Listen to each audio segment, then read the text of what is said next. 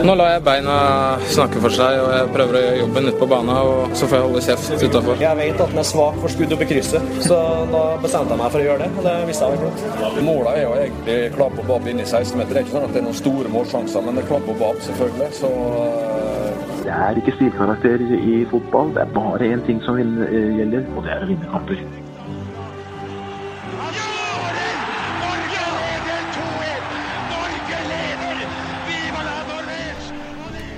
Og der er uh, toppfotball tilbake igjen. Og vi vil ha Norwich, uh, Lasse. Se for deg et scenario. Vi har akkurat åpnet VM-kvalifiseringen. Vi startet med 8-0 mot San Marino og fulgte opp med 1-0. En sterk hjemmeseier mot Nord-Irland. For, Ja. For en fantastisk uh, sak det hadde vært. Da hadde jeg hatt uh, trua på at vi kunne fått en playoff. Tenk deg, Det hadde stått på forsiden igjen. Igjen så hadde landslagene stått, landslaget stått på forsiden av VG og Dagbladet og Ja, i positivt fortegn, da. Ja, ja, ja. ja og, og For de vi får hadde jo mye fått en- forsideplass. Ja, Folk hadde snakket om at nå kommer vi til VM. Folk hadde kanskje begynt å snakke om at hvilken plass skal vi ha? Skal vi til semifinalen? Ja, Altså- Hadde vi gått så langt. Nei, ikke så ille, men Men, men vi, så kan vi da høre på det Arneball sier i introen her, at det handler jo ikke om uh, stilkarakterer, det handler om å vinne. Og uh, det var jo ikke alltid pent mot Nord-Irland. Det skal vi sikkert tilbake til, men det ble en seier. Ja, Og så scora vi mot et lag som ikke slipper inn mål. Altså Ja. De slipper inn mot Tyskland og mot Norge. Fikk litt hjelp, da. Ja, det kan vi si. Men mål er mål. Ja, Vi var gode. Vi ta, ja ja, for all del. Virkelig. Vi ble snytt for et par skåringer der òg. Absolutt. Og jeg må si jeg følte med Alexander Søderlund. Vi, skal, vi må snakke mer om det. Men vi må øh, ønske velkommen tilbake i studio Joakim Bårdsen. Tusen takk. Og øh, en slags sånn velkommen inn i, i toppfotballstallen på en eller annen slags måte. Eh, du har jo lovet å bli med litt øh, innimellom fremover. Ja, så når jeg ble spurt om jeg kunne være med av og til, så syns jeg det var veldig hyggelig. Så selvfølgelig har jeg lyst til det. Eh, Strålende. Jeg kan avsløre allerede nå at jeg, eh, en ny uh, toppfotballkopp er under bestilling, med navnet Joakim Bortsen. Ja, det er bra. Det er bra. Det, Eh, noe bedre bevis på det. ja, for han er fortsatt ukens gjest, ser jeg her nå. Ja, ikke sant? Så på mange måter er han ukens gjest også, men nå enda mer inn i varmen. Ja, Det setter jeg pris på. Det er herlig å ha deg her, Joakim. Vi fikk jo masse gode tilbakemeldinger fra du var her sist, på at, og det er tydelig at folk har savnet eh, eh, altså en stemme som kommer fra litt utenfor Østlandet. Ja, Så jeg var litt usikker på om det var bare noe du sa for, for å få meg med her, men eh, det er jo hyggelig hvis det stemmer. da. Ja, for folk er litt lei av eh, bare sånn eh, at vi, vi har eh, huet litt for langt opp i østlandsfotballen. Altså. Ja, men det er jo litt naturlig òg, kanskje. Én fordi at vi alle er bosatt på Østlandet, vi som er her. Ja. Og to fordi at mange av oss har hjerte for klubber på Østlandet. Ja. Eh, og da, det, er- det er en naturlig konsekvens av, av eh, sammensetningen. Så det er veldig ryddig å få på plass uh, en stemme fra vest, for å si det sånn. Ja. Sør-vest, kan du si det? Ja, ja sør-vest. Det mener jeg for. Så det, det er veldig fint. Uh, det gleder sikkert folk i Rogaland. Vet du. Absolutt. Og der er det jo litt å ta i fotballen her òg. Ja, de har Og, og, og de, vi var inne på det i, for to episoder siden. Uh, det er tydelig at, at Stavanger Aftenblad og, og um, Rogalands og, Avis. og Rogalands Avis, uh, og ikke minst Lars Avis uh, på, på, på Twitter Altså det, man, man drar Man drar uh, Man drar på litt for å, for å få fokuset på, på lokalfotballen. Ja, De satser tungt på lokalfotball, og jeg tror de tjener på det, som vi snakket om sist. At eh, interessen er jo enormt stor i eh, Rogaland for lokalfotball, som man for øvrig er i store deler av landet. Så Rogalands Avis og Stavanger Aftenblad har i hvert fall tatt lokalfotballen på alvor, og det er noe som jeg syns er veldig bra. Og det er en ting jeg ser med eh, Med folk som ikke nødvendigvis kommer fra Oslo og omegn, da. Eh, og da er jeg sikkert litt farga av Lars Avis og han Øyv Øyvind Jacobsen. Øyvind Jacobsen. Eh, det er den derre stoltheten av uh, folk som gjør det bra, som kommer fra Rogaland. Nå drar du jo selvfølgelig den litt langt av og til, liksom. Ja. Men ja, han, han har en tante fra Stavanger, så han er liksom vår. Men uansett, det er liksom noe med den stoltheten for de lokale, da. mm. Heltene som gjør det bra. Og det, det er jo kanskje noe f.eks. da min klubb Vålerenga savner av og til. At det er en sånn uh, iboende stolthet i større deler av befolkningen i byen for Vålerenga og for de lokale guttene. Og også sånn når de gjør det bra andre steder, sånn som da Sander Berge, selv om ikke han er Vålerenga-gutt, men han eh, liksom ble, han blei jo på en måte proffspiller i Vålerenga.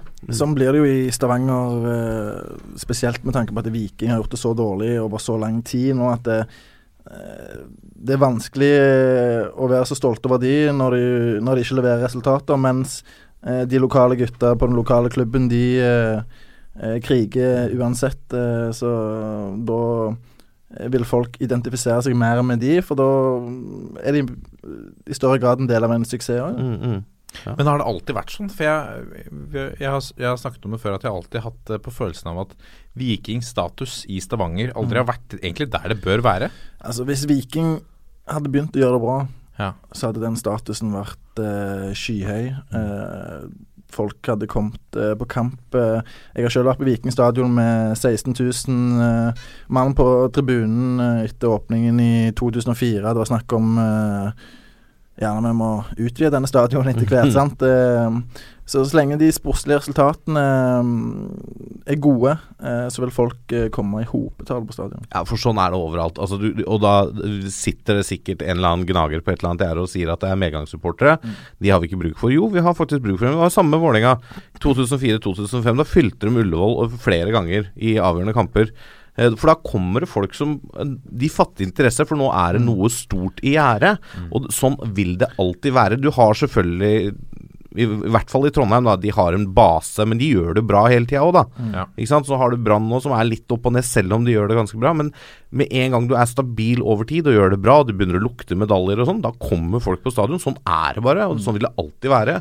Det Tror jeg, da. Det er umulig å bygge en supporterkultur uten at det, du har noe å være stolt av. Mhm. Så det, det er ganske naturlig, egentlig. I hvert fall når det går så lang tid der det er dårlig. Du kan, hvis Rosenborg eh, eh, har en eh, svak sesong eh, der de kommer på andreplass og, og vinner cupfinalen, så har gjerne ikke eh, kjernen og Rosenborg-sporterne egentlig så mye å, å være misfornøyde med, men eh, for en klubb som Viking så, så har det gått så lang tid da, uten resultater at det er egentlig ganske forståelig. Det er ikke alle som er som meg, vet, som begynte å heie på Liverpool to år etter de vant sitt siste ligamesterskap, og som uh, skjønte for alvor hvor uh, Vålerenga-hjertet lå etter at uh, Tommy Øren og co. på en regnfull dag på Ullevål i, i en kvalikkamp uh, sendte Vålerenga ned en divisjon. Det var liksom da jeg skjønte at det, det her skal jeg være. Jeg syns så lite synd på deg uh, Nei, nei. for det Liverpool-greiene. Nei, det er greit. Eh, Vålerenga kan, kan jeg sette meg inn i. Uh, vi får håpe at det kommer nye store minner på Intility Arena. Smak på det. Smak på det. Mer om det senere i sendingen. Um, før vi skal gå gjennom uh, dagens agenda, så har vi fått en rating, Mr. Wangstein. Vi har fått en eh, ny rating. Det var på tide, for den forrige var jo i tidlig i september. Så det var bare å oppfordre folk til å sende inn ratings. Altså, vi setter pris på det. Yes. Tilbakemeldinger gode og dårlige. Denne er en femstjerners fra Bittepotte. Yes! Hei, Bittepotte. Overskriften er, den er fin. 'Norgesmester i podkast'. Å ja. Ja, Det er ryddig.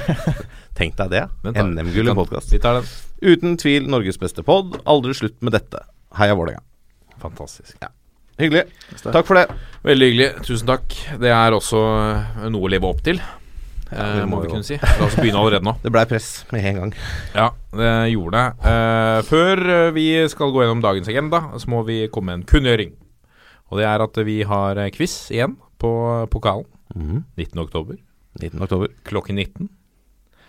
Eh, den går samtidig, denne quizen, med, med Zenit Rosenborg. Ja.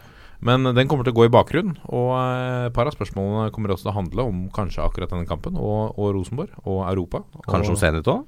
og, Jeg vet ikke om det drar folk. Nei, nei, men eh, Uansett, 19. oktober, det er en torsdag. Som alltid så er det fotballquiz på, på pokalen på torsdager. Denne gangen er det toppfotball som hoster. Ta turen dit. Det blir spørsmål om både norsk og internasjonal ball. Eh, jeg og um, Mr. Wangstein uh, og en eller annen gjest som vi må, vi, må trekke inn. Ja. Uh, det blir spennende.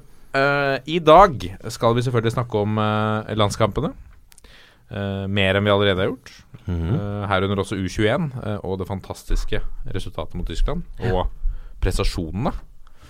Um, herrelandslaget som tar lønnskutt for å hjelpe kvinnene. Kvinnekampen. Um, Intility Arena må vinne om, selvfølgelig. Målet Prøve å begrense din tid der, Vagstein. Det har mye på er hjertet. greit. Post Nord fortjener også litt mer oppmerksomhet, Joakim. Ja, det syns jeg to avdelinger som uh, har dratt seg til veldig, der det er stor kamp om uh, spesielt opprykk nå. Og vi må også se nærmere på at eh, Gjelleråsen er klare for tredje, tredje etter en fotballfest med 400 tilskuere på eh, Er det Li stadion, eller noe sånt noe? Jeg mener det. Jeg mener det var noe der, ja. Ja. Lislett? Nei, jeg husker ikke. Ja, det, er, eh, det skal vi nærmere tilbake til. Og så skal vi selvfølgelig innom en preview på neste eliteserierunde. Dette er toppfotball. Og så til denne spalten som jeg vet eh, de som ikke følger med på Fantasy, de hater den. uh, og det skjønner jeg veldig godt. Så de kan jo spole nå et par minutter frem. Uh, men vi må innom, for det er en stund siden vi har uh, oppsummert hvordan det går i vår egen fantasyliga, Vangstein. Ja. Hvordan står det til med deg selv? Nei, det går jo Det er jo på det jevne som det veldig ofte er. Ja. Jeg rykket opp noen plasser i forrige runde. Da fikk jeg 53 poeng mot landssnitt på 40. Skal jo sies at uh, det at jeg cappa OI, Mm. uh, som hadde to skåringer mot Vålerenga, det hjalp jo. For han hadde, tok jo da 24 av de 53 poengene mine. Så det, det, han, han hjalp litt, da, Ja. på en måte. Ellers så var det ganske trist, uh, det laget mitt. Altså, nærmeste var Sigurdarsson med syv poeng og Grøgaard med seks. Ellers er det mye topoengere på det laget mitt. Ja. Litt Så- sånn øh, En liten glede likevel i at OI gjorde det bra mot Vålerenga, selv om de, de gikk dårlig med overhodet ikke. Kunne ikke brydd meg. Altså, det Det. Skulle gjerne hatt uh, minus 24 poeng på Skulle gjerne hatt han sto med null, da, for å si det sånn. Ja, Ja. ja. men det skjønner jeg. Du troner på en hederlig 84.-plass. Ja, ja, ja. Uh, Joakim, du har meldt deg på ligaen eh, eh, nå. Ja. Uh, og det som var interessant å se, som eh, eh, Vi har jo én etterbreddeleksikon i, i, eh, i denne redaksjonen. Og nå har vi fått en annen med stor breddeinteresse, og de har nøyaktig lik poengsum. Gung-ho, ja. Gung-ho, som kjerna sitt gung-ho. Hva heter laget ditt, Joakim? Det heter noe så originalt som eh, Bårdsens 15. Bårdsens 15. Ja, ja. Det er uh, Det er kjipt å være 15-mann i den troppen der, altså. Ja, det er helt riktig. Saftblander. Ehm, for du havner på Foreløpig så ligger du på en 30.-plass. Ja, Sammen med det syns jeg er Det er jeg fornøyd med. Hvem er det som gjør det for deg? Har du noen, uh, har du noen faste Jeg har hatt uh, Ohi og Sigurdarsson stort sett hele sesongen. Eh, de har levert eh, bra. Patrick Mortensen hadde jeg eh, til å begynne med. Han har vært eh, relativt kald i det siste.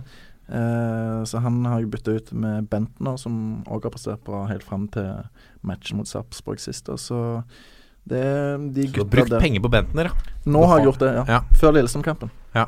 Mm. Ja, det, ja jeg syns det er dyrt, altså. Jeg syns det er dyrt for Bentner. Han er dyr. Han er det. Men jeg, jeg ligger fortsatt Nå er jeg dette ut av topp 50, Wangstein. Ligger på en 58.-plass. Ja. Eh, og det, det begynner å dra seg til. Ja, ja, for all del. Det er jo ikke lenge igjen. Og det er, vi skal ikke glemme, eh, til eh, liga Altså, hva skal vi si, ligavinneren, toppfotballigavinneren, så vanker det en overtrekk, eh, overtrekksjakke fra VM 90, 1998. Ja, for vi droppa Jaresen til Håvard. Ja, eh, jeg hadde ikke noe liggende. Nei, jeg hadde ikke noe Jares liggende. Det er greit. Eh, men vi mistenker at denne overtrekksjakka er Bjørn Hansen sin. Ja. Men kjenner vi til den som leder ligaen nå?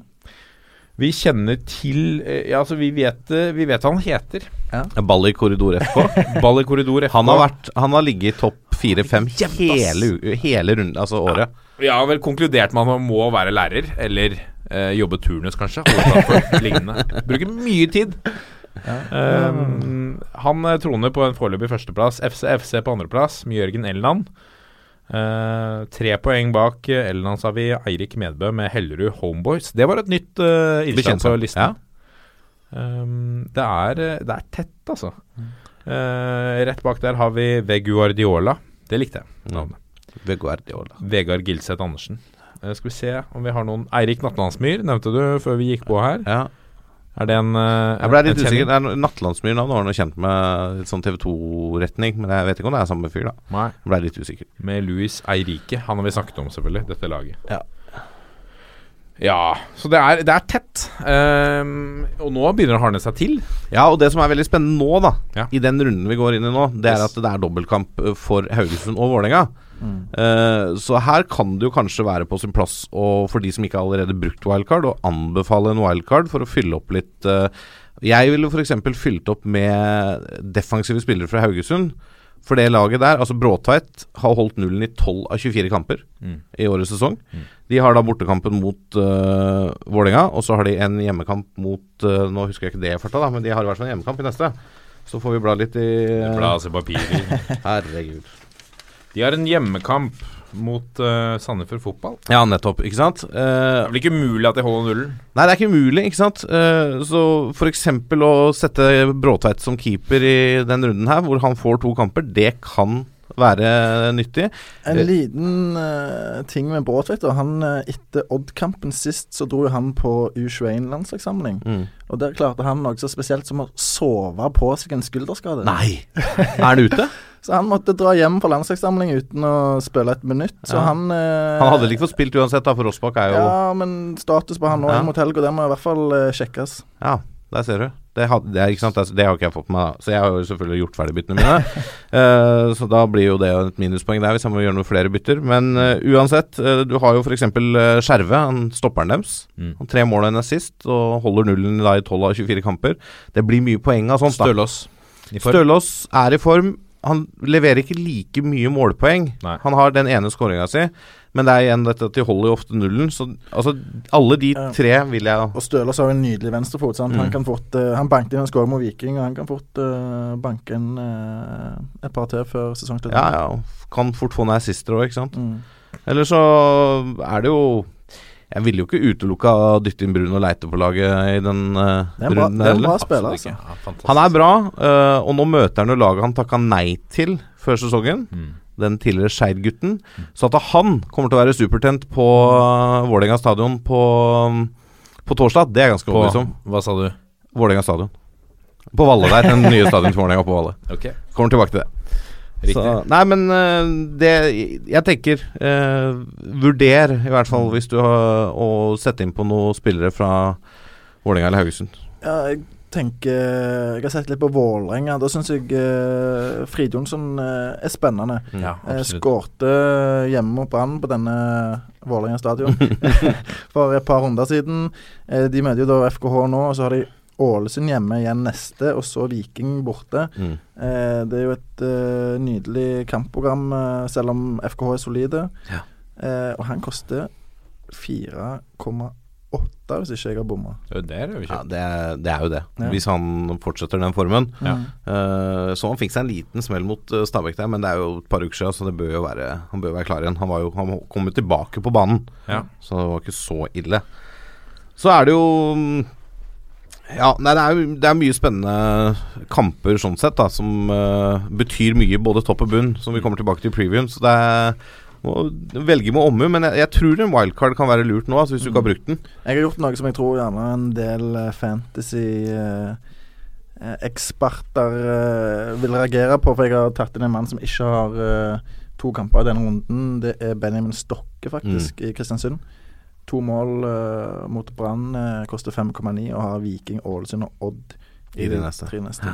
Så du planlegger for de tre siste rundene? nå? Ja, men du må Nei, det er jo Tre neste, ja. Tre Det neste, seks mener. runder. Du Ja. må jo, hvis ikke For du har jo det ene wildcardet. Du må jo på en måte planlegge litt mer enn bare den ene kampen. Mm. Hvis ikke du skal på en måte ta en sjanse og bytte flere og ta minuspoeng, da. Ja. Eller hvis du har spart opp gratisoverganger, da, for at du ikke har bytta på noen runder, selvfølgelig. Så det er lurt å tenke litt mer enn den ene runden. Og Viking og Ålesund, eh, i begge de matchene der, så kan jo Kristiansund vinne 5-0 på en god dag. Ja. På en veldig god dag. Spennende. Eh, det drar seg til. Det drar seg til, og det er rift om denne overtrekksjakka til Bjørn Hansen. Den er det liksom. Hvis du er der ute, Bjørn Hansen, og du hører på, eh, slå på tråden, så skal vi finne noe annet til deg. Vi går videre. Nå kommer pulsen.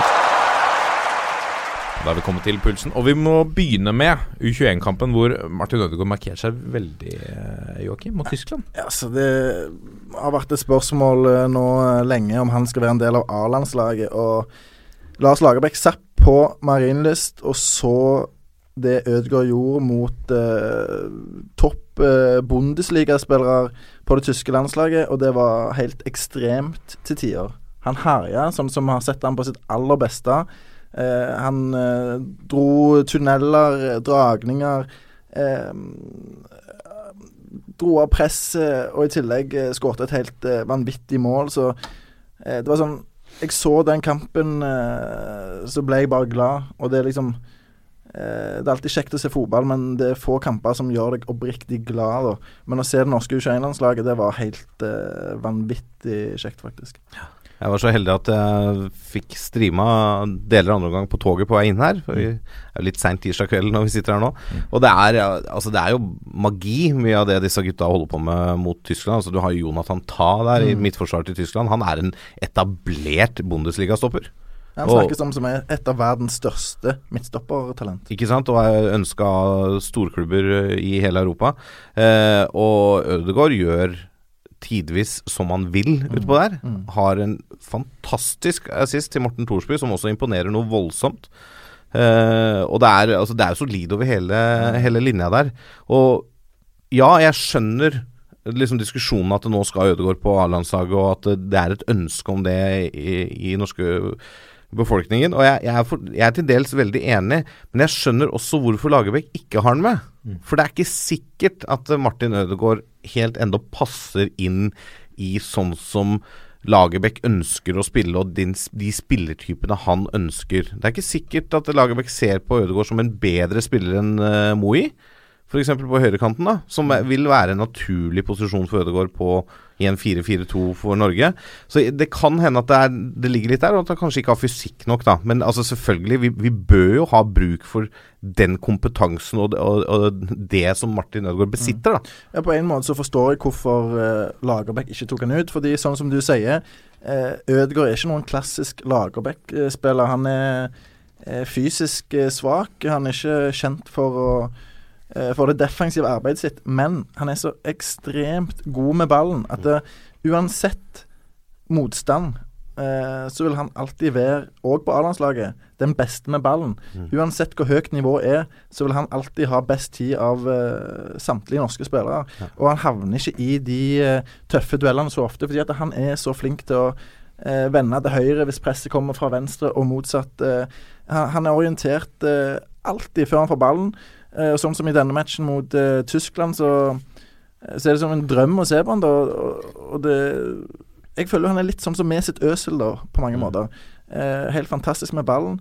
men hvis laget gjør det dårlig, så er det ofte han som får skylden, fordi at det, da kan han se Litt borte? Ja, litt lett at, å tro at han er uinspirert, men, men det er fordi sånn er spillestilen hans. sant? Men eh, sånn som du sier, den assisten han har til Morten Thorsby, der han eh, eh, drar seg fri og så slår en crosser på eh, 50 meter i bakrom rett over toppen på midtstopper, og så på kassen til Thorsby som, som setter han. Det Det er verdensklasse. Ja, det er verdensklasse. Og i hvert fall nå når um, Mats Møller Dæhlie, som kanskje er den spilleren på A-landslaget som ligner mest, da, sånn i, i fysikk og spillertype. Når han var ute med skade, og vi, liksom, vi brukte en høyrebekk som venstrekant, Martin Linnes, mot San Marino. Altså, tenk hva Martin Ødegaard kunne funnet på mot San Marino. Ja. Og ikke minst også mot et veldig defensivt, eh, solid Nord-Irland. For å finne rom, åpne opp med pasningene sine og holde på ballen og liksom få løfta laget fram. da? Han, bare ved å holde på kula, så kan laget løfte seg fram. Så ja. Men med fasit i hånd, da, med 8-0 eh, mot San Marino, med 1-0, en sterk seier mot, mot Nord-Irland, eh, og også denne prestasjonen mot Tyskland, Mm. så eh, han har ikke for mange Martin Ødegaard har ikke for mange kamper eh, foreløpig uh, på et såpass høyt nivå hvor han har fått muligheten til å briljere, sånn som nå.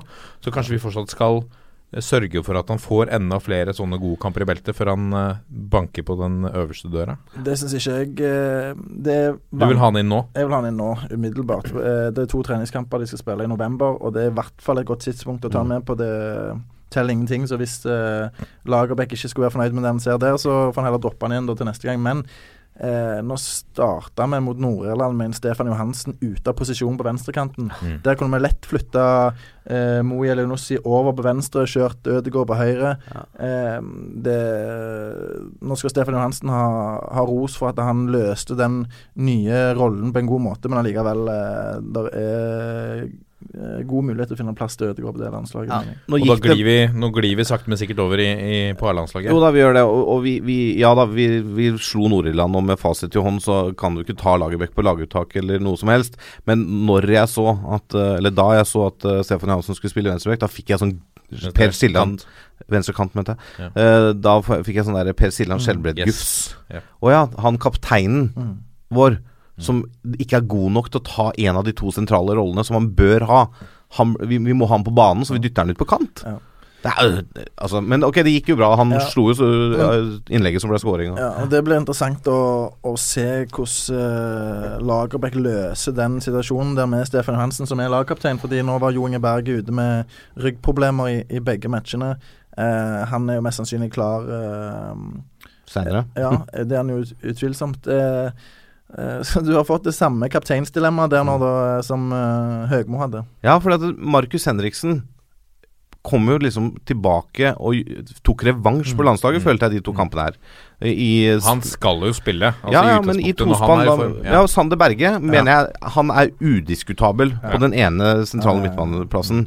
Og da har du uh, Stefan Johansen, Markus Henriksen, som du virkelig har meldt seg på nå, og Ole Kristian Selnes. Så det er tre gode uh, sentrale midtbanespillere som kjemper om den ene plassen.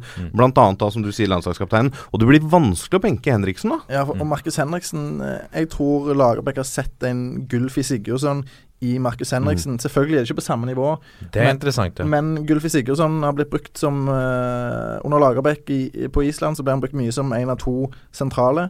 Uh, og det er gjerne fort gjort å tenke på Sigurdsson som en uh, luksusspiller som bare leverer mål og assist, men Um, han var vel den spilleren i Premier League som løp mest forrige sesong. Eh, han har en ekstrem kapasitet, og det tror jeg uh, Lagerbäck ønsker å, å se fra Henriksen òg. Ja, og Henriksen har bra fysikk òg. Han har bra høyde. Han er, det er punch in. Mm. Eh, så det har to sentrale midtbanespillere i Henriksen og Berge som er solide fysisk, da. Altså utfyller Berge Henriksen på en veldig god måte. Fordi øh, Berge er jo en nytelse å se på. Han øh, ligger bare der og balanserer, ser ut som han har øh, all verdens tid med ballen. Spiller bare på andre- og tredjebevegelse hele tida. Um, og snakk om å diktere tempoet i en kamp, da. sant? Det, det er så utrolig bra, og det er så lett å forstå hvorfor øh, Sevilla ligger langflat etter han. Ja, ja. 19 år gammel. er. 19 år gammel og leverer på det nivået der kamp etter kamp. Altså det er, eh, og det virker som Sander Berge tar liksom nivået der han spiller.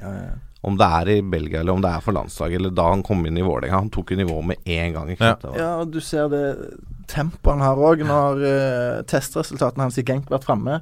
Uh, Skårer best på så å si alt uh, som er. Han er jo nesten to meter, men er, er raskest i klubben. Mm. Eh, så Og satt han inn i en uh, topp Premier League-kamp, uh, tror jeg ikke hadde vært noe problem. Nei, jeg tror ikke det hadde vært fantastisk. Jeg har lyst til å trekke fram en eh, spiller som vi eh, Vi har ikke Vi har alltid stilt et spørsmålstegn de siste troppene, føler jeg, ved hvorfor han er med i troppen, og hvorfor han er tatt ut som kant. Martin Lindnes. Mm. Uh, som også har fått ganske opp, uh, altså tydeligvis uh, Samboeren hans eller kona hans gikk ut også og, og, og raste litt mot en del pepper han har fått. Og det, det må jeg si at det, der må vi bite mm, Ikke bite det sure eplet, det er ikke det det heter, men, men vi må legge oss litt flate der på at han, han, han gjorde en bra jobb og fikk en scoring. Ja, altså Nydelig scoring mot San Marino, og, Mm. og han gjør manns jobb i den kampen. Og så i eh, Martin Linnes, du kan aldri, mener jeg, da ta han på innsats og vilje. og- Altså Han er en, en bra spiller, for all del, og jeg syns han er best på høyre bekk. Og der har han kjempekonkurranse med både Jonas Svensson og Omar El Abdelawi. Ja. Så det er vanskelig å ta den høyrebekkplassen på landslaget. Så har han vel fått litt kritikk for liksom klubbvalg, og han har bare dratt etter penga og sånne ting. Men altså, herregud ha, ha, Men Galatasaray er ikke bare penger. Nei, det er ikke det, jo altså. Det er- det er en Tenk heksegryte. tenk deg den opplevelsen, Ja. Der kom jo faktisk eh, dama hans med et veldig godt poeng. Ja. Mm. som, eh, som tar tak i akkurat det å si at eh, hos, eh, liksom, Hvorfor kritiserer dere eh, eh, Martin for å ha dratt til Galatasaray? Det er jo bra nivå på denne ligaen her. Ja. eh, sant? Eh, Selvfølgelig. men jeg, jeg mener jo at eh, Linnes har fått en del ufortjent kritikk. Mm. I Eliteserien så var han eh, Sikkert fra oss òg. Sikkert fra oss. ja, men i, I Eliteserien mener jeg at han var mm, ligaens beste back eh, eh, i flere sesonger. Eh, og utvilsomt best i den posisjonen. Jeg ble litt mer begrensa med en gang du flytter den framover, men, Jeg er helt enig. eh, ja. men Altså- jobb, jobber uansett bra. Ja, han opp og ned i krittet, og han slår bra innlegg. Han, altså, Linnes er en bra spiller. Mm. Men jeg vet ikke om han er fremtiden på venstre kant. Nei, der Det er, er han ikke. Nei, Men jeg skjønner liksom vurderingen i forhold til at eh, Berge ble liksom. Ja, ikke sant. Så det, det Ok, det, det er greit nok, og det var San Marino da Mm. liksom vi Men det skal, det skal landslaget ha, og det, de skal ha skryt for den San Marino-kampen. Altså Ja, du forventer seier, men de går ut der og vinner 8-0. De skårer liksom mål i hvert tolvte minutt i snitt, eller hva det er. ikke sant? Og de, de er, det, er, det er 90 minutter med innsats, vinnervilje, gutstæl og vilje. altså. Det, er bare, det er kjempebra. De, de fullfører og er profesjonelle. Kan du bare nevne da at dette landslaget som gikk til VM i eh, 94 i USA, de slo bare San Marino 2-0 borte. Og, Stemmer. og apropos uh, en mann som er profesjonell, uh, som gjerne ikke får mest uh, oppmerksomhet, det er jo Birger Meling. Ja. Sine to første kamper på landslaget nå, jeg mener han var bunnsolid i, i begge. Helt enig. Og du vet alltid hva du får fra han. Så jeg syns det blir interessant å se nå når Haitam Malesami eh, omsider kommer tilbake, hva Lagerbäck gjør med den posisjonen der. Jeg mener Meling er eh, et tryggere kort. Ja, Og det var jo, ja. eh, og det var jo historiens altså Du nevner det mm, andre tall. altså Vi dunka til 10-0 eh, hjemme i kvaliken Mm. til USA, men eh, 0-8 borte mot San Marino. Det er historiens største bortseier for det norske Ja, landslaget. ja, det er det. Det er en historisk kamp. Og det, det, og det, er, det er så bra gjennomført. Altså Hele gjennomføringen fra første spark på ballen. Og det har, jeg, det har vi savna litt med landslaget. Ja. At de går ut og bare tar tak med en gang og viser. Og det syns jeg de gjorde mot Nord-Irland òg, selv om altså, det er et mye bedre lag. Men det var vilje der. De tok duellene. Altså Sørloth uh, har en fantastisk kamp der. Sødlund nå gjør manns jobb. Og, og jeg syns jo liksom Lagerbäck nå har på en måte en hva skal jeg si, spisskjerne, da. Som er, er veldig uh, spillere han eh, liker å bruke, med Josh King, Søderlund, Sørloth. Og så har du kanskje da Bjørn Mars som banker litt grann på i bakhånd der, liksom. Men de, det er store, sterke fysiske spillere med gode kvaliteter for Lagerbäck. Du, du ser at Lagerbäck er i ferd med å finne disse typene Mm. som har vært på jakt etter. De, de ser det nå i, i mange posisjoner. Og derfor er det sånn med Ola Kamara, som vi har nevnt før, ikke sant? Og, og, eller OI, altså folk som scorer mye mål. Det er ikke sikkert de passer på laget. Se på Island, da. Vidar Ørn Kjartansson. Bøtta inn mål i Norge, i Kina, i Sverige og Israel. Han scorer på bestilling uansett hvor han spiller. Han er ikke Han var ikke førstevalget til Lagerbäck. Han er fortsatt ikke førstevalget på Island. Det er ikke alltid han blir bytta inn engang. Og det er spillere på banen for det islandske landslaget som scorer mye mindre mål for sine klubblag som, som er, er foran i rekka. Og det handler litt om, som du sier, typene Lagerbäck ønsker å bruke. Ja. Så lenge det funker, så Ja, ja. er det samme for meg. Men det øyeblikket det slutter å fungere, så må du, så må du tørre å, å skru litt på det også. Så hvis det plutselig hadde snudd for Island, at det plutselig går nedover, Mm. så er det, er det jo pussig om ikke de begynner å bruke Vidar Øyen Kjartansen. Ja, ja, Ja, men, men sånn er det jo på et landslag. Eh, under Drillos eh, tid òg så satt uh, en del spillere på benken som eh, isolert sett gjerne var bedre enn eh, den mannen som ble eh, foretrukket. Mm. Eh, så det du kan, ikke, du kan ikke kjøpe spillere til et landslag. Du må sette det sammen med det materiellet du har, og, og, og finne de typene som eh, passer best Det sammen. var ikke alltid Solskjær var førstevalget til Drillo, selv om han bøtta i mål i Premier League. Det er sant. Så. Vi, må, vi skal holde oss på landslaget. Uh, I det siste så har vi hatt uh, en del gjester her som har uh, jobbet hardt for å forbedre k kvinnenes posisjon i, i norsk i fotballen. Mm. eh, vi hadde uh, Ingebrigt Sten Jensen, som jeg var og snakket med i forrige ukes episode, som jo mener at på kvinnefotballsiden så er vi på, uh, på et forhistorisk Mm. nivå. Altså vi ligger så langt bak likestillingsmessig. Um, nå har herrelandslaget da tatt et uh, Gitt de et, slags løft ved å, å insistere på at uh, de skal ha lik bonus som, som kvinne. Hva uh, hva er tankene? Nei, det, altså dette handler jo om landslagslønna, så vidt Ja, jeg har skjønt. ja. Uh, og det, det er jo en fantastisk initiativ. Og det gleder meg å høre at landslagsgutta går i bresjen for dette. For det, det vil jo gi i hvert fall de jentene som er i, kjømda til landslaget, muligheten til å kanskje kjøpe seg mer fri fra f.eks. jobb, da. For det, mange av de er jo ikke fullprofesjonelle. I hvert fall de som spiller i Norge. Det er vel egentlig bare LSK-kvinner som har muligheten til å trene på dagtid og liksom Avaldsnes, kanskje? ja, kanskje Avaldsnes uh, til dels. Men det er det at de gir dem den samme muligheten, da. Og det, det syns jeg er eh, prisverdig av gutta å gjøre det. Jeg mener jo det skulle egentlig bare mangle. Jo. Ja, jeg er litt enig, faktisk. Eh, og det er jo bare å hylle initiativet eh, og det de har gjort. Eh, eh, så tenker jeg at NFF bare får jobbe Nå var NFF eh, en av verstingene i denne undersøkelsen til NRK eh, om likestilling i de forskjellige forbundene, men eh, det er bare å håpe at NFF eh, blir oppildna av den positive feedbacken de har fått. Denne saken har gått verden rundt. Eh, og at de fortsetter å jobbe med å bedre vilkår for eh, damene, som jo har levert bedre resultater enn eh, gutta de siste åra. Ja, helt klart. Det er gledelig. Så får vi håpe at uh, de høye herrer uh, og, og kvinner nå uh, hopper etter og tar litt tak. For det er litt som Ingebrigt Sen Jensen snakket om. Det er, ikke, det er ikke bare penger det er snakk om alltid. Det er et, et uselt emblem å ha på drakta, som, Ja. som de ikke har, Som ja. de ikke har tid til å sy på. Altså, Jo, men det handler, det handler om det, og det de driver og surrer. Ja, ja det, det er mye surr, og det, men det handler om liksom uh, signaleffekt òg. Hvilke baner får de lov å trene på? Når får de lov å trene? Uh, hvor mye får de til å tilrettelegge for en økt profesjonalitet? Det er mye sånne ting du kan gjøre som ikke nødvendigvis trenger å være så jævlig dyrt. da Ja, og så henger det så mye eh, fordommer og sånne gamle greier igjen at det er nesten helt utrolig. Jeg leste under Jeg tror det var Fox uh, News eller Fox Sport som hadde tvitra om uh, uh, denne saken eh, i Norge. Altså, eh, jeg ble faktisk overraska da jeg så noen amerikanske eh, personer der som skrev at eh, Men eh, herregud eh, eh, damene burde spilt på en mindre bane. De er jo sjanseløse. De tapte mot gutter 16-lag og bla, bla, bla. Liksom, sånne argumenter er jo så totalt eh, bak mål at det, det er vanskelig å ta seriøst. Men eh, jeg føler vi begynt å i hvert fall, Debatten er jo iallfall blitt eh, god i Norge nå. eh, og jeg føler at iallfall vi er på rett vei der. Og så ser du ut eh, i Europa òg hvor mange norske spillere vi har fått. sant? Eh, I Chelsea, Lyon, eh, Juventus. Mm. det er noe veldig spennende på gang. Ja, og det er sånn ja, igjen i den der på en måte hva skal vi kalle eh, signaleffekten, da. Du ser altså Arsenal sitt damelag heter bare Arsenal. Mm. Og så har du andre lag som er sånn Det er liksom Chelsea Women. Det er LSK Kvinner. Kall det bare LSK, da. Kall det Vålerenga. Mm. Kall det Stabæk. Ikke kall det. Stabæk-damene. Altså, for det er samme laget. Altså, eller Mm. det er samme klubben. Du må ikke legge på kvinner bak. Eller damer bak. Nei.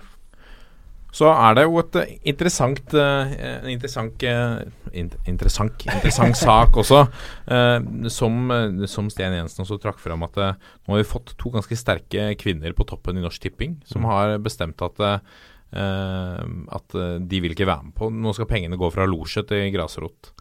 Eh, og, og de vil, ønsker å vinkle mye mer ned på, på grasrot og på likestilling, og, og få det opp igjen.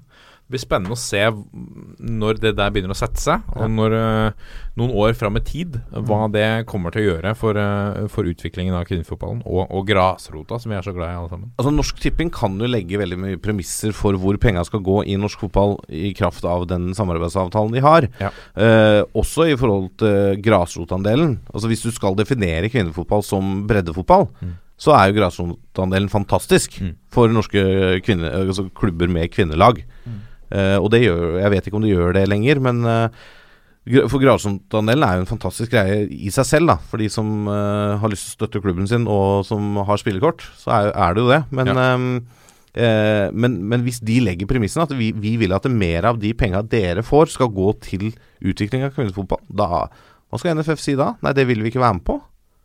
Lykke de- til, lykke til med ja. å finne en bedre samarbeidspartner Ja. som spytter i mer i idretten, da. Ja. Det får du ikke til. Nei. Sorry. Det er et godt poeng. Apropos spytte inn penger i uh, idrett, uh, Vangstein. Ja. Uh, vi skal til Vålerenga kultur- og idrettspark, eh, som heretter blir hetende. Intility Arena. Alle hjerter gleder seg, eller? Ja, nei eh, Ja, det kan du godt si. Nei, eh, altså jeg er litt pragmatisk i eh, tilfelle sponsornavn på stadion, for å si det sånn. Ja. Eh, fordi jeg tenker at jeg klarer liksom ikke irritere meg så jævlig at de har solgt navnene på stadion. Nei. Eh, jeg irriterer meg litt over at de har kalt den arena, ikke stadion, kjenner jeg. Ja, du er en av de, ja. Jeg så Ja. det var en del av de trolla som dukka opp i kommentarfeltet. Takk for uh, det. uh, men altså, det her er jo som forventa. Altså, Ja. Vålerenga har vært ganske tydelig ganske lenge på at de har lyst til å selge stadionnavnet. For det skal Altså, de, nå vet jeg ikke hvor mye de får, da. Det er snakk om seks-syv millioner i året. Ja, over ti år. Ja. Det er en Ja. tiårsavtale. Mm. Da har du liksom Da vet du at det tikker inn seks-syv millioner i året på kontoen Mm. uh, i en samarbeidsavtale. Det er en stor avtale for Vålerenga. Uh, også historisk sett. Mm. Uh, og jeg har egentlig lyst til å sitere Vålerengas eminente kaptein i hockey, Brede Frettem Cissar, som da skrev følgende Hadde stadion vært gammel og kjent med et annet navn, hadde det vært annerledes. Denne er ny, og alle så den komme, eller? Jeg er helt enig. Altså, poenget er, Du skifter ikke Lerkendal stadion til å bli Ton Hotells stadion. Eller Brann stadion skal bli eh, BA Arena, liksom. Det, det gjør du ikke. Eller TV2 Park. Ja, jeg er jo eh, Newcastle-supporter, og det er ikke veldig mange år siden eh, Mike Ashley klarte å skifte fra St. James' Park til Sports Direct Arena. Ja, ikke sant? Et fryktelig navn. Eh, og da var det jo eh, demonstrasjoner ut forbi uh, St. James' Park videre, men jeg òg skjønner jo at er Vålerenga som en uh, økonomisk relativt pressa klubb uh, er nødt til å gjøre det de kan for å øke inntektene. Eh, og 6-7 millioner i år, du sier ikke nei til det. Så er navnet gjerne noe av det verre de kunne fått, tenker jeg. Det er litt sånn Det er ikke stygt i og for seg, men hva betyr det egentlig? Sant? Ja, jeg hadde en kollega som mente at det kunne minne om Infidel Arena. Altså De vantros arena. oh, ja, hei sann. You infidel. Den er fin, vet du. Hvilket uh, selskap ville du foretrukket, da? Hvis du skulle, skulle altså, bytte navn? Selskap i seg sjøl, det er jo teknologiselskap, dette her. Uh, Jeg Ja, som hvilke, hvilke navn, da? Hvordan, uh, hvordan Altså Du, du kunne ikke kalt det DNB Arena, for det har du i Stavanger med Oilers. Så det hadde du ikke, som er hovedsponsoren til Vålerenga. Tidligere partner av Vålerenga, Hafslund, kunne jo kanskje funka. Ikke sant? Hafslund Arena jeg, jeg vet ikke, men altså det, det, det, noe- Jeg så var noen som uh, forfektet eh, Obos Arena, fordi det var den ligaen de kom til å spille i. Ja, det er jo selvfølgelig et Lillestrøm-supporter, dette. Ja, det var nok. Lillestrøm-supporter. Eh, Lillestrøm-supporterne Nav Arena har blitt nevnt. Ja, Nav Arena har blitt nevnt. Nei da, men altså det jeg, jeg vet da søren, altså. Det, det, det er vanskelig, det der. Du må finne den partneren som er villig til å gå inn med det du krever, da. Ja. Ikke sant? Og det er ikke, det er ikke noe krisenavn. Eh, så gjenstår det jo å se hva navn eh, supportere og andre velger å bruke. da Ja, de, jeg er helt sikker på at supporterne kommer til å si Vålerenga stadion eller 'jeg skal på Valle og se kamp'. ja. Altså Sånn er det. Og Ja. det vet uh, Intility, det vet Vålerenga. Ja. Sånn kommer det til å være. Det, det er ikke noe tvil om, men uh, ja. Ja, det er et litt sånn sjelløst navn, da. Det er det eneste som, som Ja. slår meg. Men uh, det kommer nok til å vokse på de fleste. Men altså, rekk opp hånda alle som hadde hørt om Intility før i går, da. Mm. Yes. Utvilsomt en god Ja. branding av de. Ja, de har i hvert fall uh, fått eh, økt uh, oppmerksomheten sin på et lite døgn her. Det vi kunne si. Eh, hva er det beste navnet Er det stadionnavnet i Eliteserien? Syns dere? Det beste stadionnavnet? Av sponsornavn? Nei, Altså, Nei, totalt. det mektigste Jeg regner med at du ikke svarer komplett opp denne arena. Nei, det heter Komplett Arena nå. Ja, det er byttet navn, selvfølgelig. Men uh, eh, ja, jeg, jeg vil nå lese litt om det, faktisk. Ja. de fikk ikke lov til å kalle det komplett.no Arena fordi at eh, Vegdirektoratet i Sandefjord eh, ville ikke trykke opp skilt som var reklame. Så det er jo ganske spesielt. Så de måtte skifte til Komplett Arena i sin tid. Ja. Eh, men eh, du snakker om det fineste navnet i Eliteserien. Jeg tenker iallfall på det mektigste er jo for meg Lerkendal, da. Det er liksom Det er plassen som er mest skremmende å komme til. Det er plassen der eh, du har sett de største kampene av de beste spillerne eh, de siste tiåra. Eh, så det er det navnet som skiller seg eh, klart mest ut for min del. Eh, Og så I tillegg så har du fram til nå, fram til i sommer, Ullevål, da. Ja. Som òg er Altså, jeg syns jo Brann stadion klinger godt, jeg, da. Mm. Altså det mm. Selv om jeg sikkert eh, blir eh, hatet av mine medsupportere i Vålerenga nå, men altså, det klinger godt. Lerkendal, helt enig. Jeg, altså, jeg, jeg har litt sans for navnet Alfheim, jeg. Ja, det, det er litt pussig. Jeg, trodde- jeg husker da jeg var liten og trodde det var kødd. Ja. Da, da jeg fikk høre at noen spilte på Alf, Alfheim Arena. ja. Ja, Stadion. Men jeg liker disse Stadion er ja, jeg liker disse stadionene som har uh, særegne navn, i hvert fall. da Nå er jo Bryn, nei, ja, Bryne stadion uh, Nå er jo Brann og Viking stadion eh, eh, Det er ikke så veldig oppfinnsomt, men uh, sant, Aspmyra, som kommer tilbake nå neste sesong med Bodø-Glimt eh, Hva med Fosshaugane campus? Ja, ikke sant. Men eh, ja, du kunne hatt det da, Vålerenga campus, for det er en eh, videregående skole innbakt i stadion. eh. Vålerenga campus? Ja. Det hadde du syntes vært greit. Nei, jeg hadde Nei. ikke det. Okay. Men du kunne kommet, ikke sant. Men eh, altså, apropos sponsornavn, da. Ja. Jeg, jeg mener jo helt ærlig Sør Arena ikke er så ille. Du mener Sparebanken Sør Arena? Ja, men det, det var vel Det er for Sør Arena, da tenker du på Sørlandet. Ja, ja. Altså, det funker jo veldig bra. Mm. da, da har du funnet en sponsor som eh, matcher godt, da. Mm. Color Line Arena i Ålesund, Ålesund, hvor Color Line ikke har en båt. Det er jo helt uh, er helt nakent. Ja, Selv har jeg en, en liten forkjærlighet for Marienlyst, for det minner meg om Ja. kjære Lystlunden i Horten. Det er òg et nydelig navn. Ja, Marienlyst. Mm. Ja, ikke sant. Videre, vi må hoppe til eh, Post Nord-ligaen. Apropos en eh, liga som har blitt sponset um, av Post Nord. De har også sikkert fått en oppsving etter at de er små andredivisjon. Folk snakker jo om Folk bruker Post Nord-ligaen Ja. som navnet på, på andredivisjon. ja, bortsett fra NRK, da. Ja, som konsekvent. Det er andredivisjon. Yes, selvsagt. ja. Og det, men det er noe traust og flott ved det også. Ja da, det er det nydelig. I, uh, i andredivisjon så har vi jo fått en Altså en, uh, en uh, avdelingsseier er jo klar. Mm. HamKam eh, går opp. Ja, de eh, er allerede klare. De leder serien med 14 poeng ned til Alta. Det er jo ekstremt eh, sterkt, det de har fått til på Briskeby denne sesongen her. Og HamKam er jo et lag som eh, i hvert fall jeg ønsker hjertelig velkommen tilbake til Obos-ligaen. Det er en divisjon eh, de hører hjemme i. Jeg er enig, jeg syns HamKam hører hjemme oppi i de topp eh, topp 32 klubbene vi har i landet. Jeg er helt enig. Så det, og det var jo Altså, dette, dette har jo gått på skinner lenge. Mm. Det opprykket har jo egentlig vært klart for, for, for ganske lenge siden, egentlig. Så det, der er det ikke så mye spenning lenger. Eh, Det er jo selvfølgelig spenning eh, om playoffen. Det er ganske tett mellom Alta, Asker og Raufoss. Det skiller jo bare to poeng fra Alta på andreplass til Raufoss på fjerde. Så det, den, eh, den avslutningen der kan bli en rysere. Der er det ekstremt eh, tett, og der er jo egentlig både Alta, Raufoss og Asker i eh, god form. Eh, så For de som ikke er helt oppdatert, så dreier det seg altså om en Altså Førsteplassen går direkte opp til, første, nei, til eh, førstedivisjon, Mm. Obos-ligaen, mens andreplassen spiller playoff uh, mot Den, eh, eh, den andre andreplassen. Og vinneren av den kampen møter det tredje nederste laget i Obos. Ja, det er dobbeltoppgjør både i andredivisjon uh, mellom andreplassen i begge puljene og det laget som kommer på kvalikplass da i Obos. Obos. Dette håper jeg sendes på, på Eurosport. Eller at de Altså, Ja, det Det må må sendes. gjøre det det, ligger jo an til uhyre dramatiske kamper. Altså jeg mener de lagene som er nest best i Post Nord, Ja. de er ikke mye dårligere enn det tredje dårligste laget i Obos. Nei, nei, Nei, og det ligger jo an nå til å bli Fredrikstad. Ja. Eh, og det er jo et eh, lag som har eh, slitt nå. Det er vel to strake tap. Eh, snakkes om eh, spøkelser på Fredrikstad stadion og Det har de snakket om i hele Ja, sant. sant med, det all slags eh, rart som skjer der. Og hvis de møter på et eh, lag med momentum, eh, så det heter jo på godt norsk, eh, fra andredivisjon, så kan det bli skummelt for Fredrikstad. Ja, for det er det som alltid er litt spennende med disse kvalikkampene. For at det laget som da eh, kjemper om å unngå nedrykk, Mm.